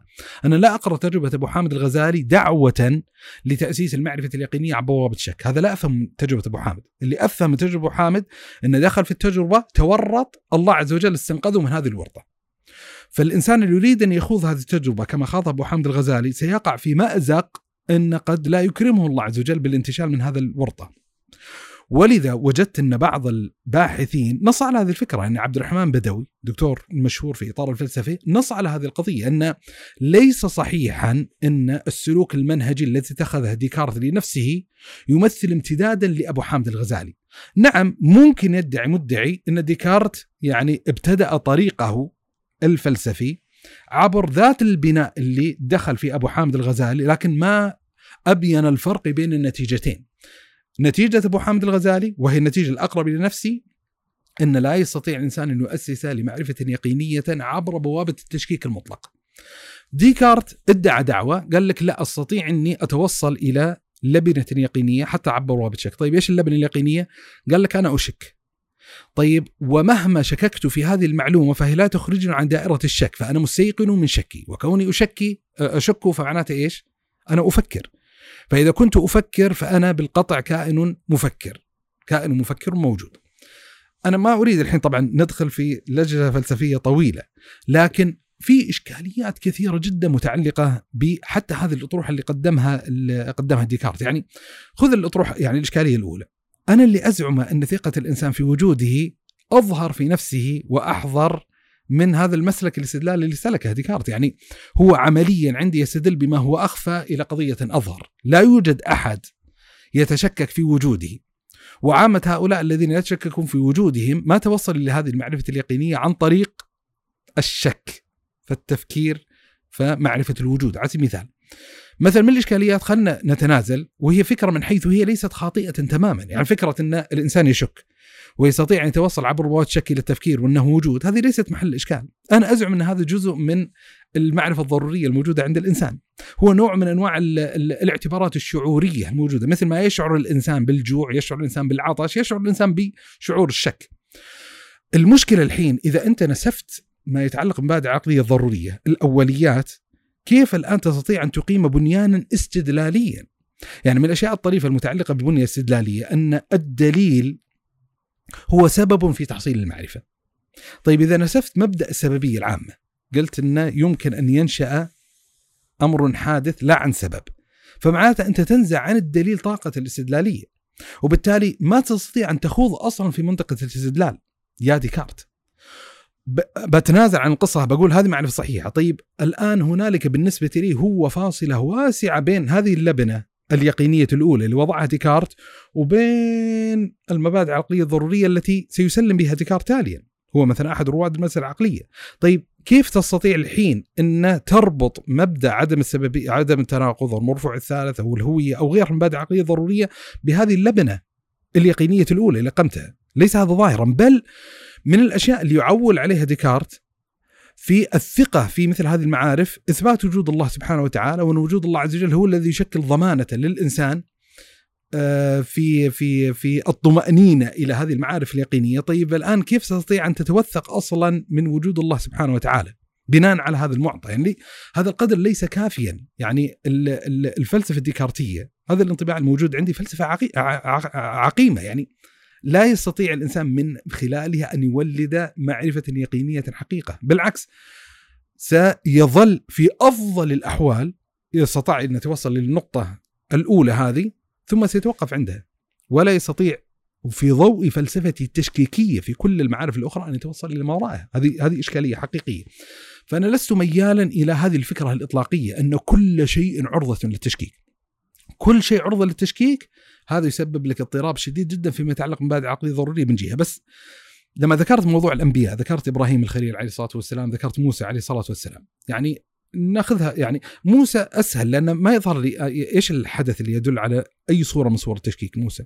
هو اللي أريني كيف تحيي الموتى؟ لا إبراهيم. إبراهيم. إبراهيم. يعني موسى سأل الله سبحانه وتعالى أن يريها. أريني, اريني أنظر إليك. يا أريني أنظر إليك. أريني أنظر إليك. ما في دلالة ظاهرة أصلا موجودة أن بواعث أريني أنظر إليك قضية الشك. لا هو تطلب لون من ألوان كرامة الزائد يعني لا مجال للحديث عن الشك في قصة موسى لأن موسى عليه الصلاة والسلام كلم الله عز وجل. كلم الله عز وجل. فكلمه يعني يعني لا يتصور مطلقا أن هنالك أدنى مورد موارد الشك فيما يتعلق بهذه القضية، لكن هنالك درجات من اليقين تطلب موسى ممكن مرتبة من اليقين أعلى منها وتطلب كرامة الالهيه يعني كون الإنسان يرى الله سبحانه وتعالى إحنا نزعم أنه من أعظم متع أهل الجنة من أعظم النعيم التي ينعم بالله تبارك وتعالى بها على العباد هو رؤيته تبارك وتعالى فاراها خارجة عن المعادلة. لكن قصة إبراهيم الخليل عليه الصلاة والسلام زين أرني كيف تحيي الموتى؟ قال أولم تؤمن؟ لاحظ قال بلى ولكن ليطمئن قلبي. والإشكال ليس في مخصوص الآية وخصوص الآية عندنا حديث النبي صلى الله عليه وسلم قال نحن أحق بالشك من إبراهيم. ومن هنا جاء جاء فكرة إن هل وقع إبراهيم الخليل في قضية الشك أم لم يقع في قضية الشك. طبعا في في في جدل فيما يتعلق بهذه المسألة في الوسط العلمي في تفسير حديث النبي صلى الله عليه وآله وسلم. يعني عندنا اتجاه جمهور العلماء. جمهور العلماء يرون أن إبراهيم الخليل عليه الصلاة والسلام لم يقع في الشك أصلا. يعني أن مقصود النبي صلى الله عليه وسلم هو قول قوي بصراحة. مقصود النبي صلى الله عليه وسلم لما قال نحن أحق بالشك من إبراهيم. مقصوده الإبانة على أن إبراهيم لم يشك. تنزيه إبراهيم من الشك طيب إيش المعنى؟ يبي يقول النبي صلى الله عليه وسلم أنا لا أشك. فإذا كنت لا أشك في قدرة الله تبارك وتعالى على الخلق والبعث فمن أولى لا يشك إبراهيم لأننا أحق بالشك من إبراهيم. يعني لو كان هنالك موجب للشك لكنا نحن أولى بالشك من إبراهيم ونحن لا نشك. فهذا التفسير اللي يختاره الجمهور ولذا لما يتأمل الإنسان في الآية القرآنية أولم تؤمن؟ قال إيش؟ قال بلى.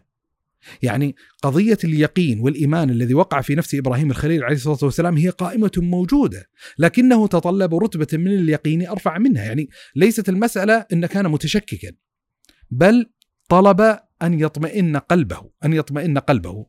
فهذا هذا اتجاه الجمهور. في اتجاه مثلا الاختيار أظن اللي اختاره شيخ الإسلام ابن تيمية والإمام ابن القيم أن عبرت الشريعة عن عن هذا التفاوت بين رتبة الإيمان اليقيني وبين طمأنينة القلب بالشك. يعني هو ليس شكا يعني عرفيا حقيقيا وإنما عبر عن هذا التفاوت الواقع بين الرتبتين اليقينيتين بالشك يعني عندنا مثلا نعرف إن درجات العلم يقول لك علم اليقين وعين اليقين وحق اليقين. علم اليقين الإنسان مثلا الأنبياء والرسل نحن المسلمين المؤمنين كثير منا بحمد الله عز وجل لا نتشكك في وجود الجنة والنار لكن واحد منا لم يرى الجنة والنار. فإذا وقف الإنسان في أرض المحشر ورأى الجنة والنار ارتفعت في درجة عين اليقين فإذا دخل الجنة بإذن الله عز وجل صارت حق اليقين. يعني يخبر الطفل بأن النار تحرق. من والديه على سبيل المثال. فكثير من الأطفال لا يتشكون في صدقية والديهم فيعتقد أن النار تحرق.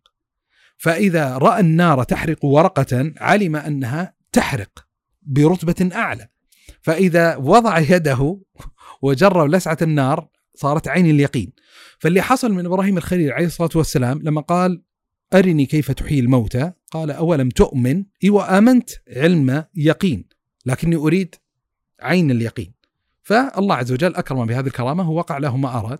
فشاهد يستطيع مثلا من الأبحاث الجيدة أظن في هذا الحديث خصوصا في كتاب آه، اسمه الأحاديث المتوهم اشكالها في الصحيحين. كتاب جميل وكتب مختلفة الحديث. عموما يذكرون حديث النبي صلى الله عليه وسلم ما يتعلق بالآية القرآنية. فخلاصة الكلام يعني أظن إن قد يكون القدر هذا كافي إن عندنا هل يصح القول بأن الشك بوابة لتحصيل المعارف؟ فنقول ما طبيعة المعارف التي تتحدث عنها إذا كان يتكلم الإنسان عن المعارف الفطرية عن المعارف الأولية عن المعارف الضرورية فالتشكيك فيها ينسف القاعدة التي يستطيع الإنسان من خلالها أن يؤسس لمعرفة ما وبالتالي لا يصح للإنسان أن يعرضها للتشكيك طيب المعارف النظرية هل هي قابلة للتشكيك؟ إيوه فأحد الأدوات الأساسية التي تبتعث في نفس الإنسان السؤال وتطلب الدليل أن يكون الإنسان عنده قدر من الحيادية عنده قدر من التشكك فيما يتعلق بها. ولذا من الأبحاث الموجودة عند أهل العلم يعني الطريقة المختارة للإمام تيمية رحمة الله تبارك وتعالى عليه فيما يتعلق بمعرفة وجود الله سبحانه وتعالى. فابن تيمية يتحدث أن هذه القضية هي داخلة في إطار الفطرية. وهذه قضية شرحت كثير من الملابسات المتعلقة بها في كتاب شموع النار عليها مفصلة يعني أرجو أنها تغطي جزء من المساحة المتعلقة بها. وبالتالي لما تنظر في تقرير ابن تيمية يرى ابن تيمية عدم مشروعية أن يعرض الإنسان هذه هذا المعنى الفطري القائم في نفسه للتشكيك. ولذا يخطئ من يرى اللي هو ضرورة تطلب المعرفة العقلية الاستدلالية لهذه القضية. يعني يرى مثلا عند جمهور المتكلمين يرون أن أول واجب المتكلم المكلف هو المعرفة، معرفة وجود الله، وبعدين بعضهم يقول لا ليس المعرفة وإنما النظر، لأن النظر هو الذي يضيء بالإنسان المعرفة، هو الواجب الأول. بعضهم يقول لا ليس النظر وإنما قصد النظر، لأن إذا لم ينعقد في قلبه هذا العزم على النظر لن ينظر. بالتالي أن يقصد الإنسان لأن ينظر هو الواجب الأول. وبعضهم قال لك لا مو بقاصد حتى يشك. وبالتالي يحتاج أن يشك يعني يهدم المعرفة اليقينية الموجودة في نفسه ليؤسس المعرفة مرة أخرى.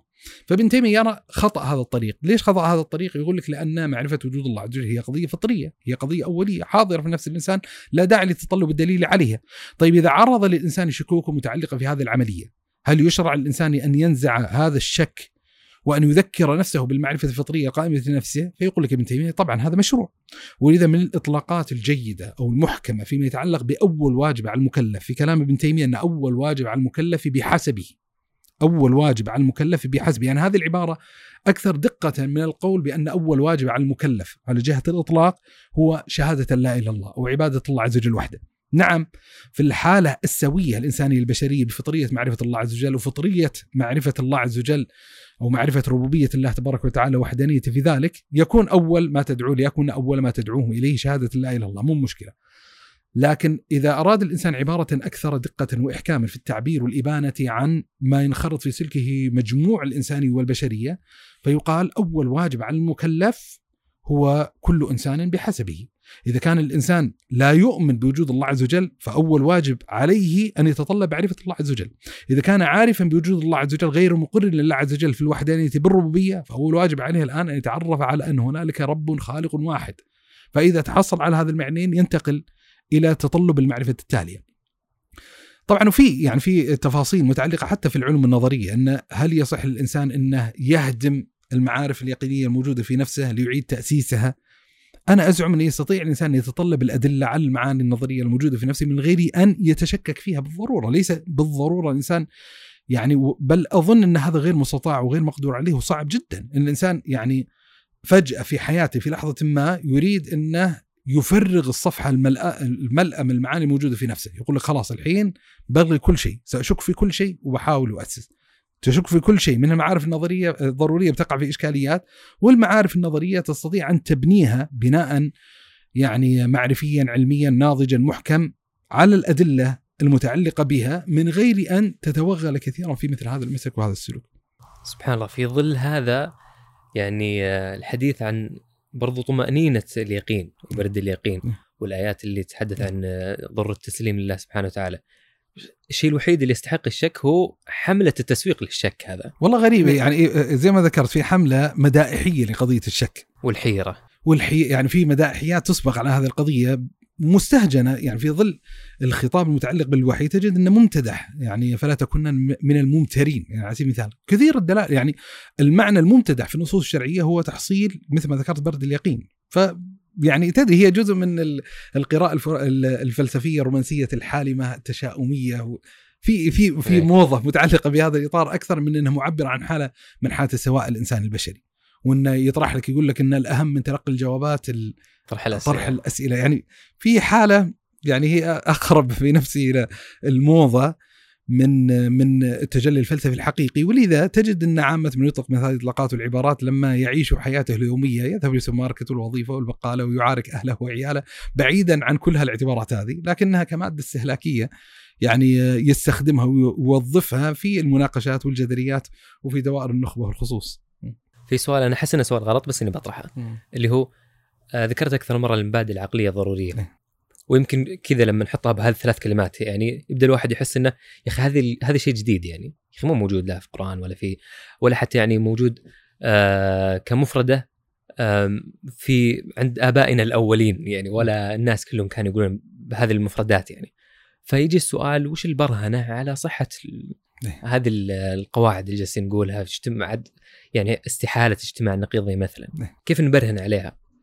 يعني يعني في عدة مقاربات طبعا نقدر نعالج منها الإشكالية، المقاربة الأولى الأساسية اللي هو تقسيم المعارف الإنسانية البشرية إلى لونين، يعني إذا نظرنا في الإنسان سنجد أن معارفه اجمالا يذكرون العلماء في معارف نظرية ومعارف ضرورية، معارف نظرية ومعارف ضرورية، ويجد الإنسان من نفسه فرقا شعوريا ضروريا بينهما، بمعنى مثلا؟ يعني يعني إيش اللي أقصده؟ فرق بينهم؟ أن في معارف معينة إذا طرحت عليه هي قابلة للتشكيك.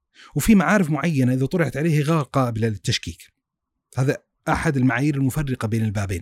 في معارف معينة يتطلب الإنسان من خلالها يتطلب الإنسان على إقامتها البرهان والحجة. وفي معارف معينة يجد الإنسان أن يقتنع بها من غير إقامة دلالة معينة مخصوصة متعلقة بها. يعني مثال لو قدر مثلا جاك شخص معين وقال لك انه آه، كنت أشاهد التلفزيون أمس وكذا فوجدت رجلا زين استطاع أن يحمل واحد طن فبتحس بنفسك من قدر من الاستنكار واحد طن كثير يعني. أو افترض مثلا يقول لك ان ان إن أم مثلا وقع طفلها تحت سيارة معينة وخايفة عليه فمن الخوف شالت السيارة رفعت تحس إنه والله بعيد يعني.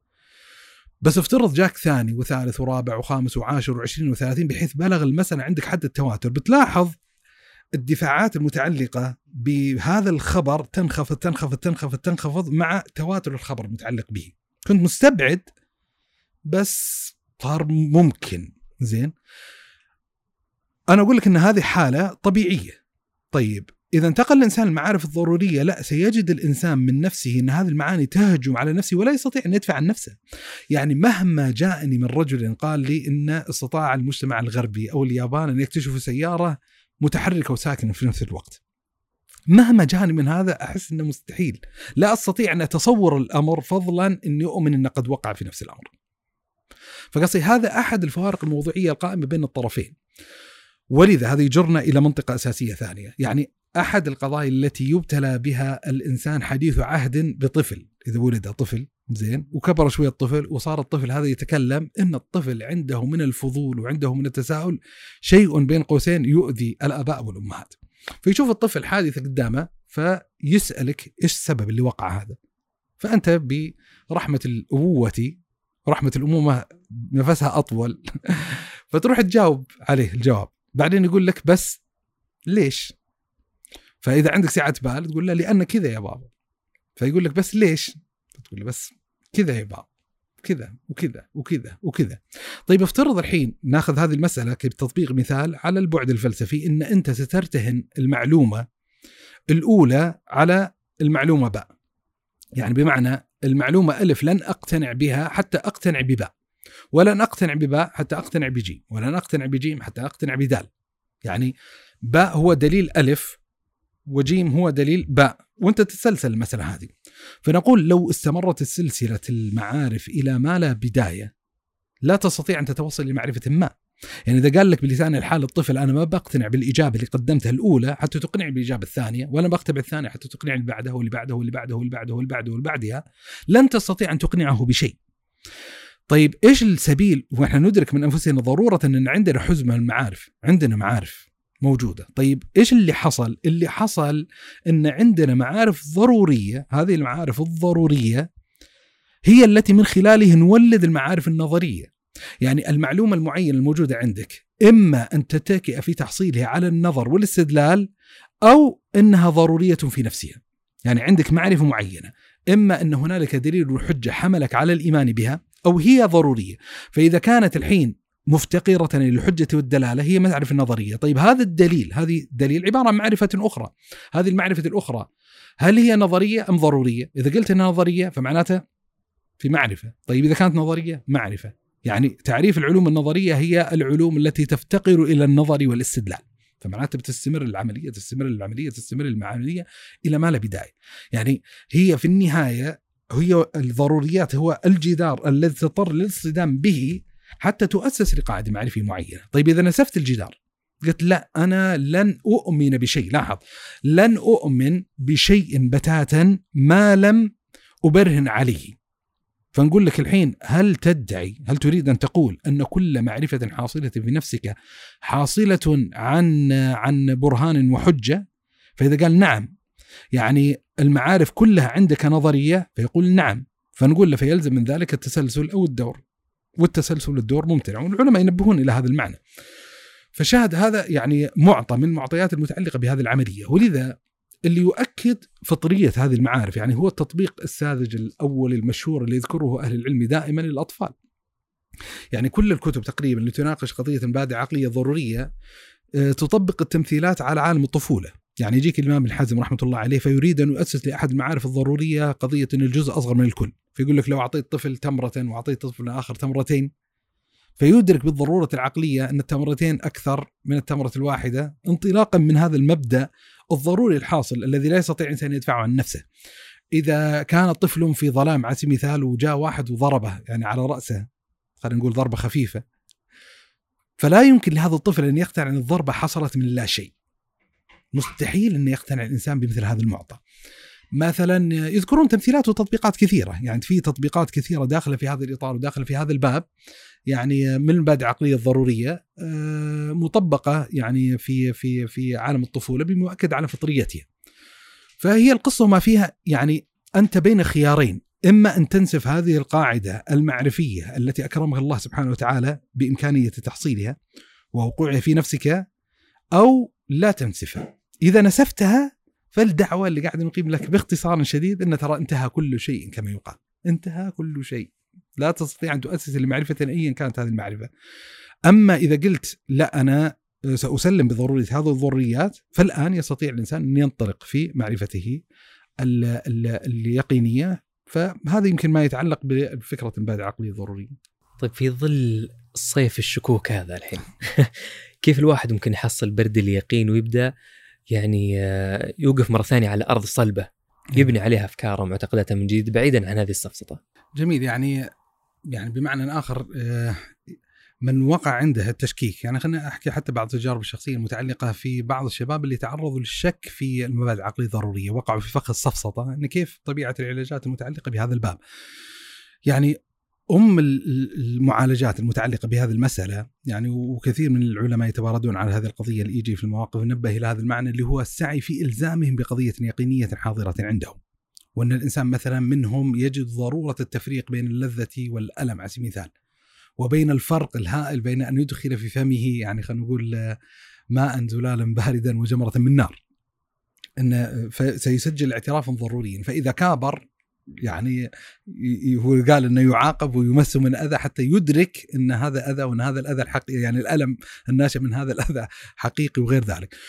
ولذا يعني ما أخفيك أنا وقع لي والله أكثر من مناسبة يعني لولا إن كثره طرق الموضوع هذا من خلال المحاورات والمناقشات مع مجموعة شباب ما طرحته بهذا الشكل، يعني في حلقة كاملة نتناقش فيها عن قضية السفسطه. يعني آخر المواقف اللي حصلت لي قريبا إن أحد الشباب جاءني وجلسنا نتجاذب باحتراف الحديث وحتى من الغرائب العجيبة اللي ذكر لي قال لي من جدك يا أبو صالح أنت مؤمن بالمبادئ العقلية الضرورية؟ من جدك مسلم بها؟ فأنا كنت أبدي استغرابي واستنكاري إن أنت من جدك إنك يعني تستطيع تنكل مبادئ عقلية ضرورية، يعني أنا أعتذر للطرف المقابل لا يعرف ما هي الأثار، ما هي اللوازم، ما هي التداعيات المترتبة على التنكل مبادئ عقلية ضرورية. وإنه هو يلغي كل مساحة ومجال ليتعقل العالم الذي من حوله.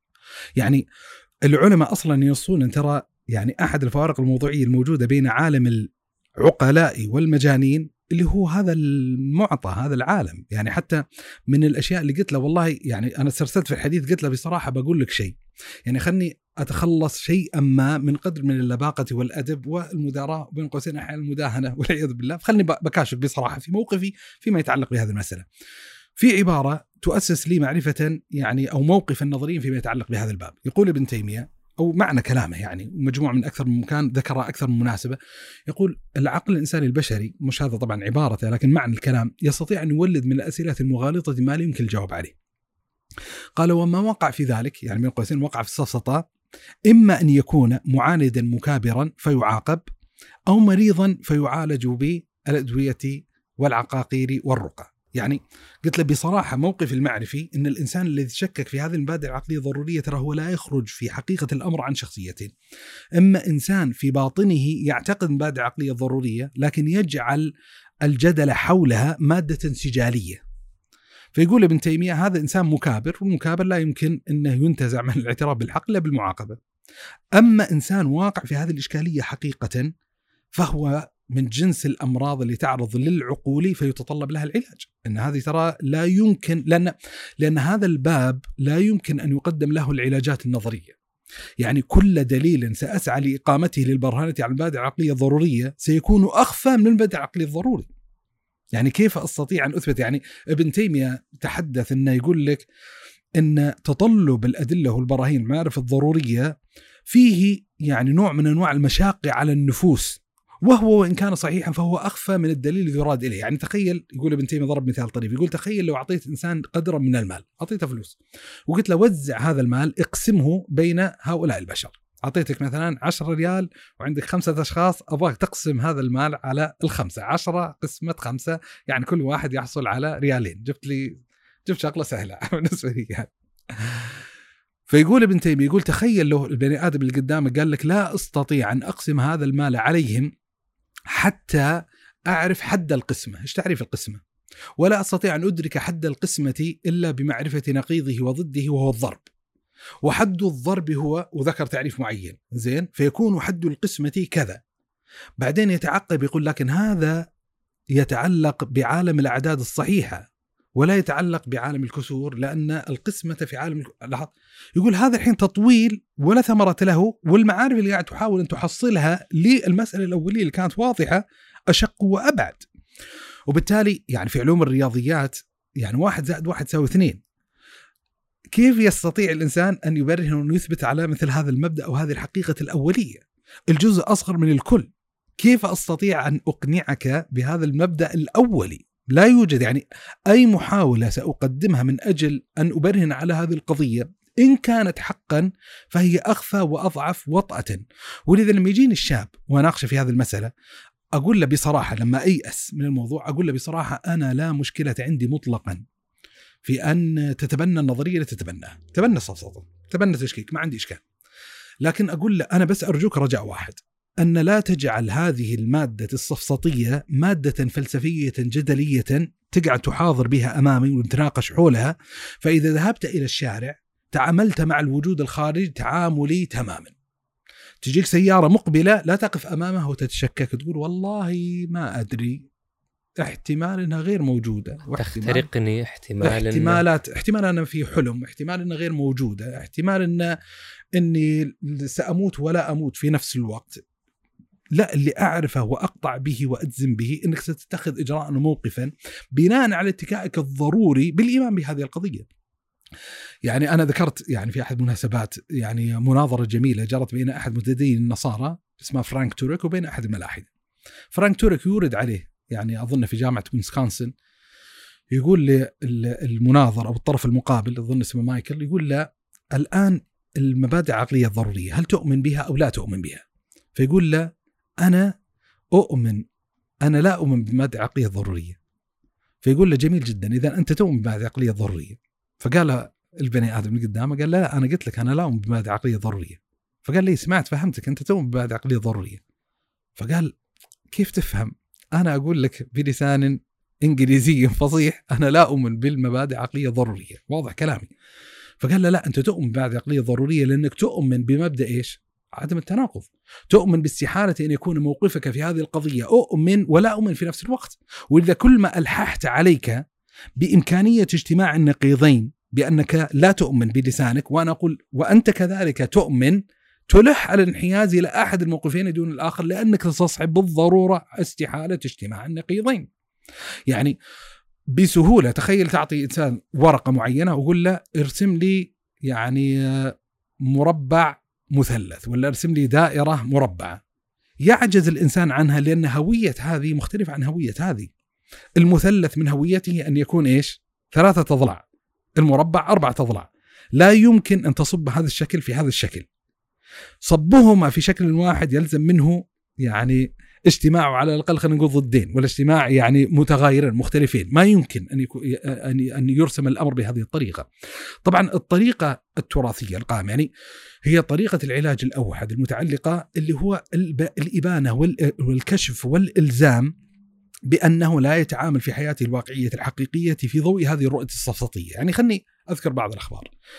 عندنا في الكتابة التراثية وجدت كثير من القصص بالذات في الدوائر الاعتزالية لأن كانوا مناظرين مصدرين المناظرة وكان أحد الجبهات التي كان يناظرها المعتزلة السفسطائية ويسمونهم بألقاب في الكتابة التراثية الحسبانية على سبيل المثال الشكاك وغيرها من الألقاب. أبو القاسم البلخي أظن أحد معتزلة ذكر قصة هذه أن أحد الشخصيات السفسطائية ناظر أحد المتكلمين.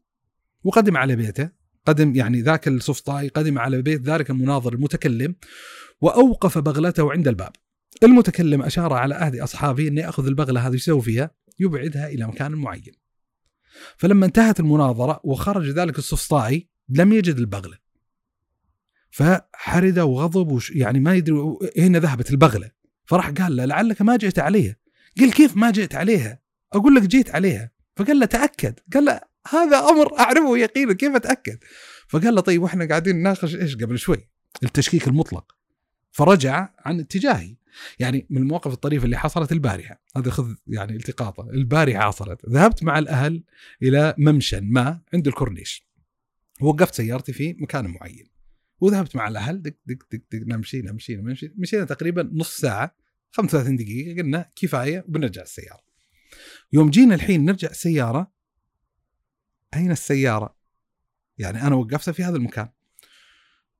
بلا مبالغة يعني أروح ونرجع. نروح ونرجع. يعني امتدت ال 35 دقيقة اللي مشيناها مشينا فوقها تقريبا أكثر من نص ساعة تقريبا تفتيشا وبحثا عن السيارة. ما أخفيك لأن بحمد الله عز وجل ما عندي لوثة سفسطيه معينة ليس أول جواب قفز إلى عقلي احتمال إن ما في سيارة احتمال إن ما جينا على السيارة احتمال ما, ما ورد هذا. أول معنى قفز نفسي يعني لأن سيارة كانت مقفلة الأبواب وما كان موضوع المفتاح فمستبعد قضية أن سرقت السيارة لكن احتمال سحبت السيارة من قبل الشرطة.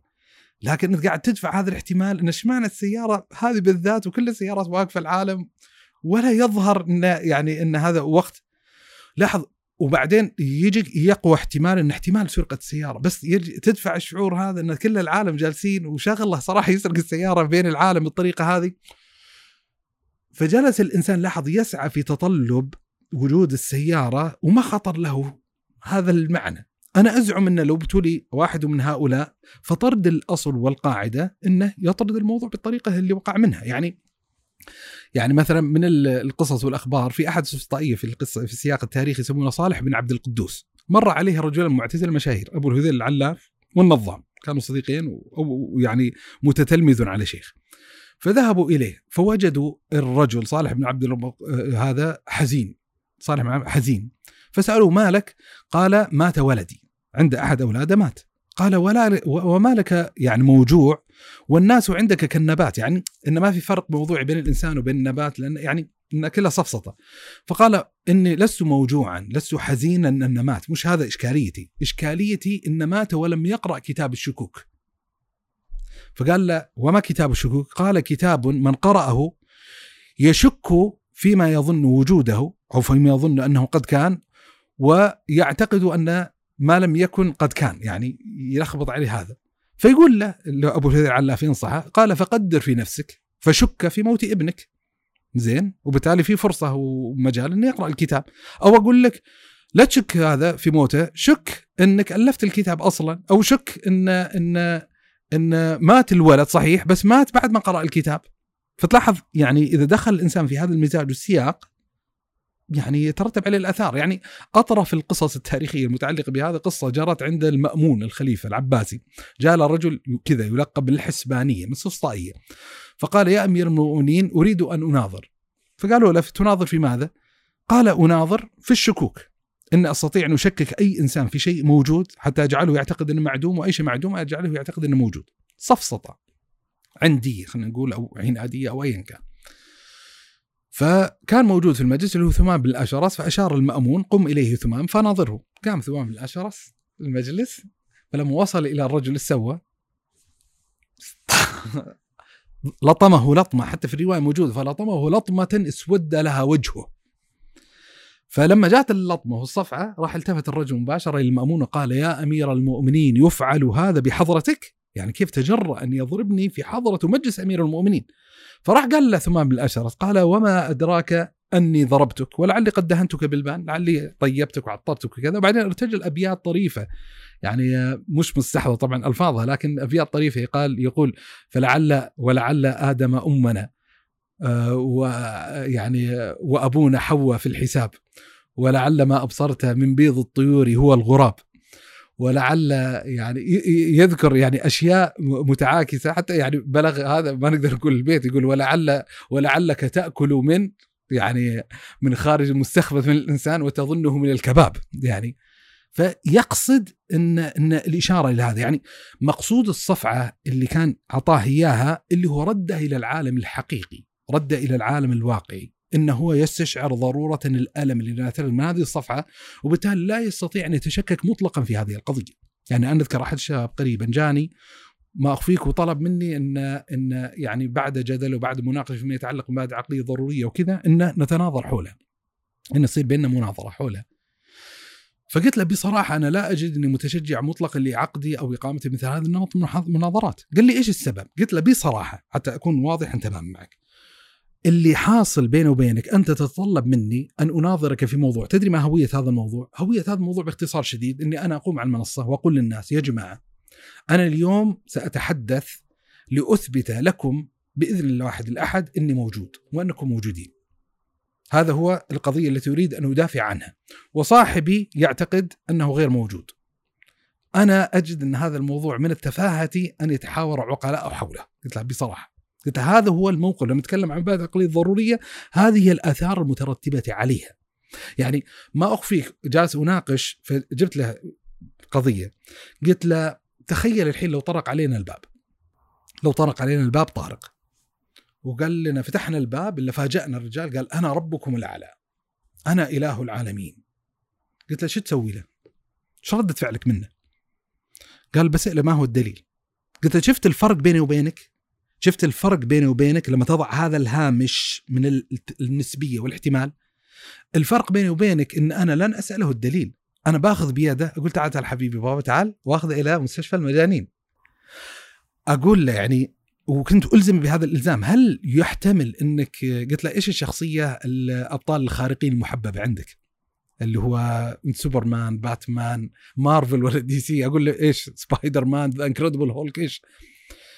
فقال لي شخصية معينة فقلت له هل هنالك احتمال ولو ضئيل إن أنت هذه الشخصية بس أنت ناسي؟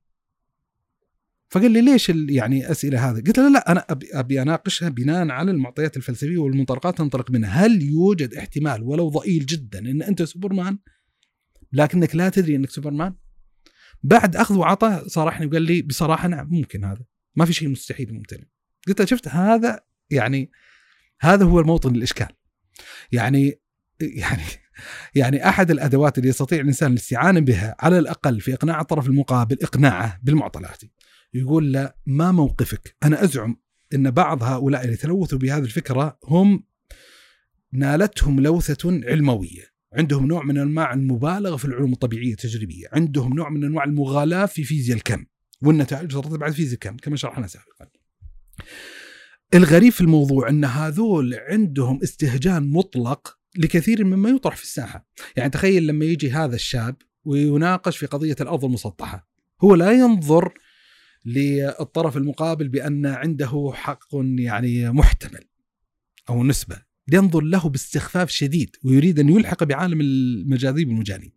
يعني لما يتناقش في قضية مثلا أزمة كورونا على سبيل المثال، واحد يقول له ترى هي مؤامرة كونية وإن ترى ما في مرض كورونا وكلها خدعة مدري إيش وكذا، هو لا ينظر له بارتياح حقيقي. تخيل إنسان من معين من هؤلاء جالس في مجلس فيجي واحد يقول بصراحة يا جماعة أنا لا أعتقد إن في دولة في العالم اسمها أمريكا وما في انتخابات وكلها ترى قصة زين وخرابيط ودجل فاضي وإعلام مضلل ولا في القصة هذه كلها. تخيل واحد يطرح مثل هذه الرؤية ويطرح هذه الأفكار.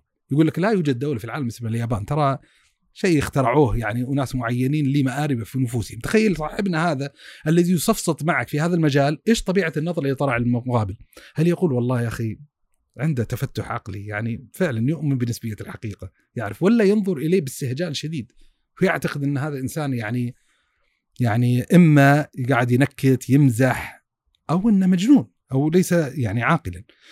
فهو خلاصة الجواب يعني ما أدري هل استطاع الإنسان أن يوصل للمطلوب له يعني بطريق صحيح إن الطريقة العملية الوحيدة أن يدرك الإنسان من نفسه إن ترى مستثبت من هذه المسائل بالضرورة هي تهجم على نفسه لا يستطيع أن يتخلص منها وإنه ينظر ما هي طبيعة الآثار المترتبة على التنكر لها. إذا تنكر لها الإنسان فسيكون كل شيء معرفيا متاح وكل شيء منقوض معرفيا وإن الطريقة الوحيدة يعني اللي اللي, اللي المعتمدة في استصلاح هذا الباب اللي هو إما بالمعاقبة لإخراج يعني هذه الحقائق من نفس الإنسان أو إنه فعلا عنده داء عرض له فيحتاج إنه يعالج بما ذكرناه يعني بالرقى والعقاقير وغيرها من الأشياء. آه سؤالي اللي لو بساله يعني من قلب عن مشكلة حقيقية بتكون عن نسبية الحقيقة. لهذا حلو إنه يعني نختم بها. بس قبل أن نختم بها وش سالفة أحمق من همبقة؟ لا يعني آه، آه، هي جرب حديث قبل كان فكرة يعني في بالي اللي هو قضية يعني آه، اللي ذكرنا هالمعنى هل يتعامل الإنسان بجدية مع فكرة انه هو موجود؟ على سبيل المثال؟ إن أنا موجود؟ لا. كلنا موجودين وعارفين يعني, يعني فخذ هذه القصة اللي حكاها ابن الجوزي في أخبار الحمقى. يعني مشهور المثل هذا أحمق من همبقة. يقول لك إن همبقة يعني من شدة حمقه إن اتخذ لنفسه قلادة. ظهر من عظم أو شيء معين وكذا. فسئل عن هذه القلادة. ليش لابس القلادة؟ قال حتى أستثبت من نفسي حتى أعرف إن أنا أنا. هذا هذا أمارة وعلامتي أنا أنا. لاحظ الحين تطلب الدليل على المعنى البدهي الموجود. فذهب أحد الخبثاء وأخذ القلادة سرقها منه ولبسها الخبيث الثاني أو أخوه لبسها. فخرج من البيت فشاهد قلادته على أخيه فقال إذا أنت أنا فمن أنا؟ الحين السؤال اللي يطيح فيه المصفصط لما تقرأ هذه القصة ما هو المعنى اللي ينقدح في نفسك؟ ما هو المعنى اللي ينقدح في نفسك؟ مسكين. إيوه إذا إذا, إذا يرى أنه مسكين ومجنون أو أحمق ويعتبرهم باعتبارات فمعناته أنت قاعد تنزع عن السفسطه اللي تتمناه لأن في ظل رؤيتك السفسطيه ترى ما في مانع عقلا أن يكون هو أنا فمن أنا يعني يعني كل شيء كل شيء جائز من الناحيه المعرفية يعني. لكن عوده موضوع نسبية, نسبية الحقيقة. الحقيقة نسبية الحقيقة. الحين هذه يمكنها من المظاهر الأكثر شيوعا وتطبيقات الصفصطة يمكن الثانية ما تلقاها في المجالس. لكن يجي واحد يقول يا أخي أنتم محتكرين الحقيقة وإحنا يعني مرة نسمع هذه ومرة نسمع هذه. وممكن مسألة فيها خلاف وأن هذا اللي صح وهذا اللي صح. ممكن يكون هالشيء. وأن ترى النصارى يا أخي عندهم طريق لله وإحنا عندنا طريق لله يعني هذا ممكن بعض الناس يحصلها في بعض المجالس. يعني هذا كيف ممكن يرد عليه؟ يعني في عبارة تدرج على لسان كثير من الناس أن لا أحد يمتلك الحقيقة المطلقة وأن الحقيقة نسبية. هو الإشكال الحقيقي المتعلق بهذا الإطلاق وهذه العبارة اللي هو الإطار التي يعني يضبط بها الإنسان هذه العبارة. يعني إذا كان إطلاق هذه العبارة في حيز الظنيات في حيز المسائل الاجتهادية المقبولة فتصير لها إطار يعني تصير لها مدلول متفهم. يعني في ال في ال يعني خلينا ننطلق من عبارة الإمام الشافعي كلامي صواب يحتمل الخطا وكلامه غير خطأ يحتمل الصواب. يعني بمعنى إن في الفضاء الظني مع كون الإنسان مقتنعا بوجهة نظره لكن مفترض أن يفسح مجالا لاحتمال أن يكون الرأي الآخر على صواب. هذه في المسائل الظنيات. لكن لا يصح الإنسان يوسع من إطار هذا الإطلاق وهذه العبارة بحيث تشتمل على كل شيء. لأن إذا اشتملت على كل شيء دخل الإنسان في إطار السفسطه، يعني إحنا ذكرنا أحد الأنماط السفسطائيه العندية اللي هو فكرة النسبية. فكرة إن هذا عندي الحق عندي كذا والحق الحق عندك عندي كذا. هذا والحق عندك كذا. طيب هذه قد تكون متفهمة متعقلة في إطار معين. لكن إذا وسع الإنسان مدلول هذا الإطلاق بحيث يشتمل على كل الحقائق لا بيصير عندنا إشكالية. بيصير إشكالية. لا هنالك حقائق مطلقة. هنالك معان محكمة لا يصح التجادل والتباحث حولها. يعني المطالبة باختصار اللي هو نوع من أنواع ترشيد هذه العبارة لإعمالها في فضائها وإذا كان الإنسان عنده إشكالية في توسعه مدلولها إلى فضاء آخر فخلنا نتناقش في التفاصيل، ما نتناقش في هذا الإطلاق العبارة كأنما كأنما هي تكتسب شرعية زائفة مجرد اطلاقها، يعني بعضهم بس تناقشه فيقول لك يا أخي لا أحد يحتم يحت... يعني لا أحد. إيش لا أحد يمتلك الحقيقة المطلقة. بهذا القدر ليس كافيا، لا العبارة بهذا الإطلاق وهذا الوجه اللي قاعد تورده ليس صحيحا. لا خلينا نناقش هذه المسألة المعينة المخصوصة هل يستطيع الإنسان أن يتوصل فيها إلى حقيقة مطلقة ولا لا يصير في مجال نتباحث ونتناقش في أفراد وأحد المسائل لكن لا تظلل مساحة معينة وتقول لا أحد يمتلك حقيقة مطلقة لا يعني ولذا تجد أن التطبيق الفعلي العملي لها في كثير من الأحيان إن مطبقة في الإطار الديني إيه فخلنا نتباحث ونتناقش في الأدلة المتعلقة بهذه القضية. نفرق يعني أحد التجليات الإشكالية المتعلقة لاستغراق هذه العبارة. يعني خذ عدة إشكاليات. الإشكالية الأولى اللي ينظر في طبيعة الوحي يجد إن الوحي ذو طبيعة ثنائية في نصوص محكمة ونصوص ظنية. وبالتالي اللي يطلق هذا الإطلاق ويطلق هذه العبارة يقول لك لا أحد يمتلك الحقيقة المطلقة بمعنى لا أحد يمتلك تفسير النص المقدس بإطلاق نقول لك الآن قاعد تسلب عن الدلالة القرآنية شيئا من قطعيتها في مجالات معينة. يعني لما يقول الله سبحانه وتعالى وإلهكم إله واحد. إحنا نقول المعنى والمدلول القطعي لهذه الآية القرآنية الكريمة إن هنالك إله واحد. لما يقول الله عز وجل شهر رمضان الذي أنزل فيه القرآن. أي أيوة والله عز وجل يخبرنا ويحدثنا عن وجود شهر اسمه هذا الشهر رمضان وإن الله عز وجل امتن على البشرية بهذا الشهر الفضيل الكريم المسمى رمضان بإنزال القرآن، المدلول قطعي، المدلول بين، المدلول واضح. فاللي يستغرق في العبارة هذه بنسبية الحقيقة ونسبية الفهم سيقع في إشكالية عبر عنها ابن تيمية، ابن تيمية يقول له عبارة دارجة على لسانه دائما يقول لك إنه لا يسفسطون في العقليات ويقرمطون في النقليات. يعني بمعنى القرمطة من القرامطة، القرامطة هم طائفة باطنية، الباطنية يعتقدون إن للقرآن ظاهر وباطن وعندهم تأويلات غريبة عجيبة للظواهر القطعية للنصوص الشرعية. فيقول لك يسفسطون في العقليات يعني يقومون في التشكيك فيما يتعلق بدولة العقلية ويقرمطون يعني يمارسون نوع من الألوان خلينا نتجاوز الحين نوع من أنواع السفسطة في مجال الفهم النص القرآني. ولذا أحد الإشكاليات المتعلقة بهذه المعادلة أن النصوص الشرعية تدلنا عن معاني قطعية ومعاني ظنية. إذا قلت كل شيء نسبي فمعناته أنت تجر القطعيات لتكون داخلا في إطار الظنيات تجر حكما على الكل وهذا موطن إشكالي. هو خلاصة الكلام أن من يطلق هذه العبارة يعني إذا أحسن الظن هو لا يقصد حرفيته لا يقصد حقيقته لكن يجب أن يكون واعيا بأن طرد هذه العبارة اللوازم الحقيقية المترتبة على هذه الجملة لا أحد يمتلك الحقيقة المطلقة اللي هو الوقوع في شرك السفسطة. يعني الذي يطلق هذه العبارة وهو جاد في إطلاقه يقول لك لا أحد يمتلك الحقيقة المطلقة. طيب جميل. يعني إذا الأطفال ليس حقيقة مطلقة يعني لا بأس على إنسان وبشر أنه يغتصب طفلة ثم أو يعذبها يغتصبها ثم يقطعها وبدل ما يلقيه في قمامة يروح يجيب له قدر ويضع هذا ويشعلها بالنار عشان يسخن لها قدر إن هل تعتقد إن إن هذه جريمة أخلاقية بين قوسين مطلقة ولا لا؟ فاللي يقول لك يا أخي ما حد يمتلك الحقيقة المطلقة. أنا أزعم انه يستطيع الإنسان أن يوفر غطاء لكل الممارسات الأخلاقية السلبية تحت دوائر النسبية، يقول لك انه ماشي، يقول لك أنا مثلا مقتنع إن هذا الفعل خطيئة لكن ما أستطيع إني أدعي إن هذه خطيئة مطلقة. قد يصير في إنسان آخر خيار الأخلاق المتعلق بهذا الباب إنه قضية نسبية، أنا أزعم لا العقلاء من البشر يجزمون بأنهم يتبنون رؤية أخلاقية في هذا المجال قطعية لا تحتمل الاحتمال. واحد زائد واحد يساوي اثنين، لا يوجد عاقل يقول إن واحد زائد واحد احتمال يساوي ثلاثة، أنا بالنسبة لي صراحة واحد زائد واحد يساوي اثنين. بس ما عندي مشكلة وخصومه أو عداء مع إنسان يعتقد ان واحد زائد واحد يساوي صفر. أو واحد, واحد يساوي ثلاثة أربعة يساوي ألف. ما عندي أي إشكال في هذا. عادي يعني الحقيقة نسبية. أنا ما امتلك الحقيقة مطلقة. أنا أزعم إن ما حد يمارس هذه الممارسة. وطبيعة هذه العبارة يعني ممكن حتى نختم بهذه المسألة في عبارات وفي إطلاقات معينة في الوسط الفلسفي هي مما تنتقض ذاتيا. يعني هي هي تستبطن في طياتها ما ينقضها. يعني لما يقول الإنسان الحقيقة نسبية أو لا أحد يمتلك الحقيقة المطلقة. طيب هل هذه العبارة هل هذا الإطلاق من قبيل الحقائق المطلقة أم ليست حقيقة مطلقة؟ فهو يختار اختيارين. إما يقول لك هي من الحقائق المطلقة. طيب إذا كانت من الحقائق المطلقة فمعناتها هنالك حقيقة مطلقة. وأنت تملك هذه الحقيقة المطلقة أن هذه العبارة اللي تنقضها ذاتيا. وإذا قال لك هذه العبارة ليست من قبيل الحقائق المطلقة طيب يوجد من يقابلك من يعتقد بوجود الحقيقة المطلقة. ف يعني عبارة لا معنى لها وخلاصة الكلام. أنا زي ما ذكرت يمكن في بداية الحديث اللي قضية أن هذا من التمظهرات غير الواعية لقضية السفسطة لأن أزعم أن عامة من تجري هذه العبارة على اللسان يستحضر فضاء تطبيقيا معينا لهذا الإطلاق ولهذه العبارة فيوهم بالإطلاق الإطلاق. فنقول له على أساس نعالج العبارة يعني إحنا لاحظ الجزء من الكلام اللي بيان الإلزامات المترتبة على العبارة، الإشكاليات المتعلقة بالعبارة، لكن نقول له حدد بدقة ما هو فضاء أعمال هذه الكلمة فيه.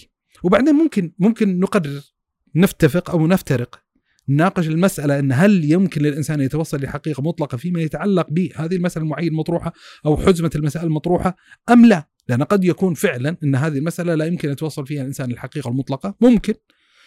وفي المقابل قد تصير المسألة هذه لا محسوبة من المحكمات إما المحكمات الدنيوية والمحكمات الدينية التي يمكن للإنسان يتوصل فيها الحقيقة المطلقة.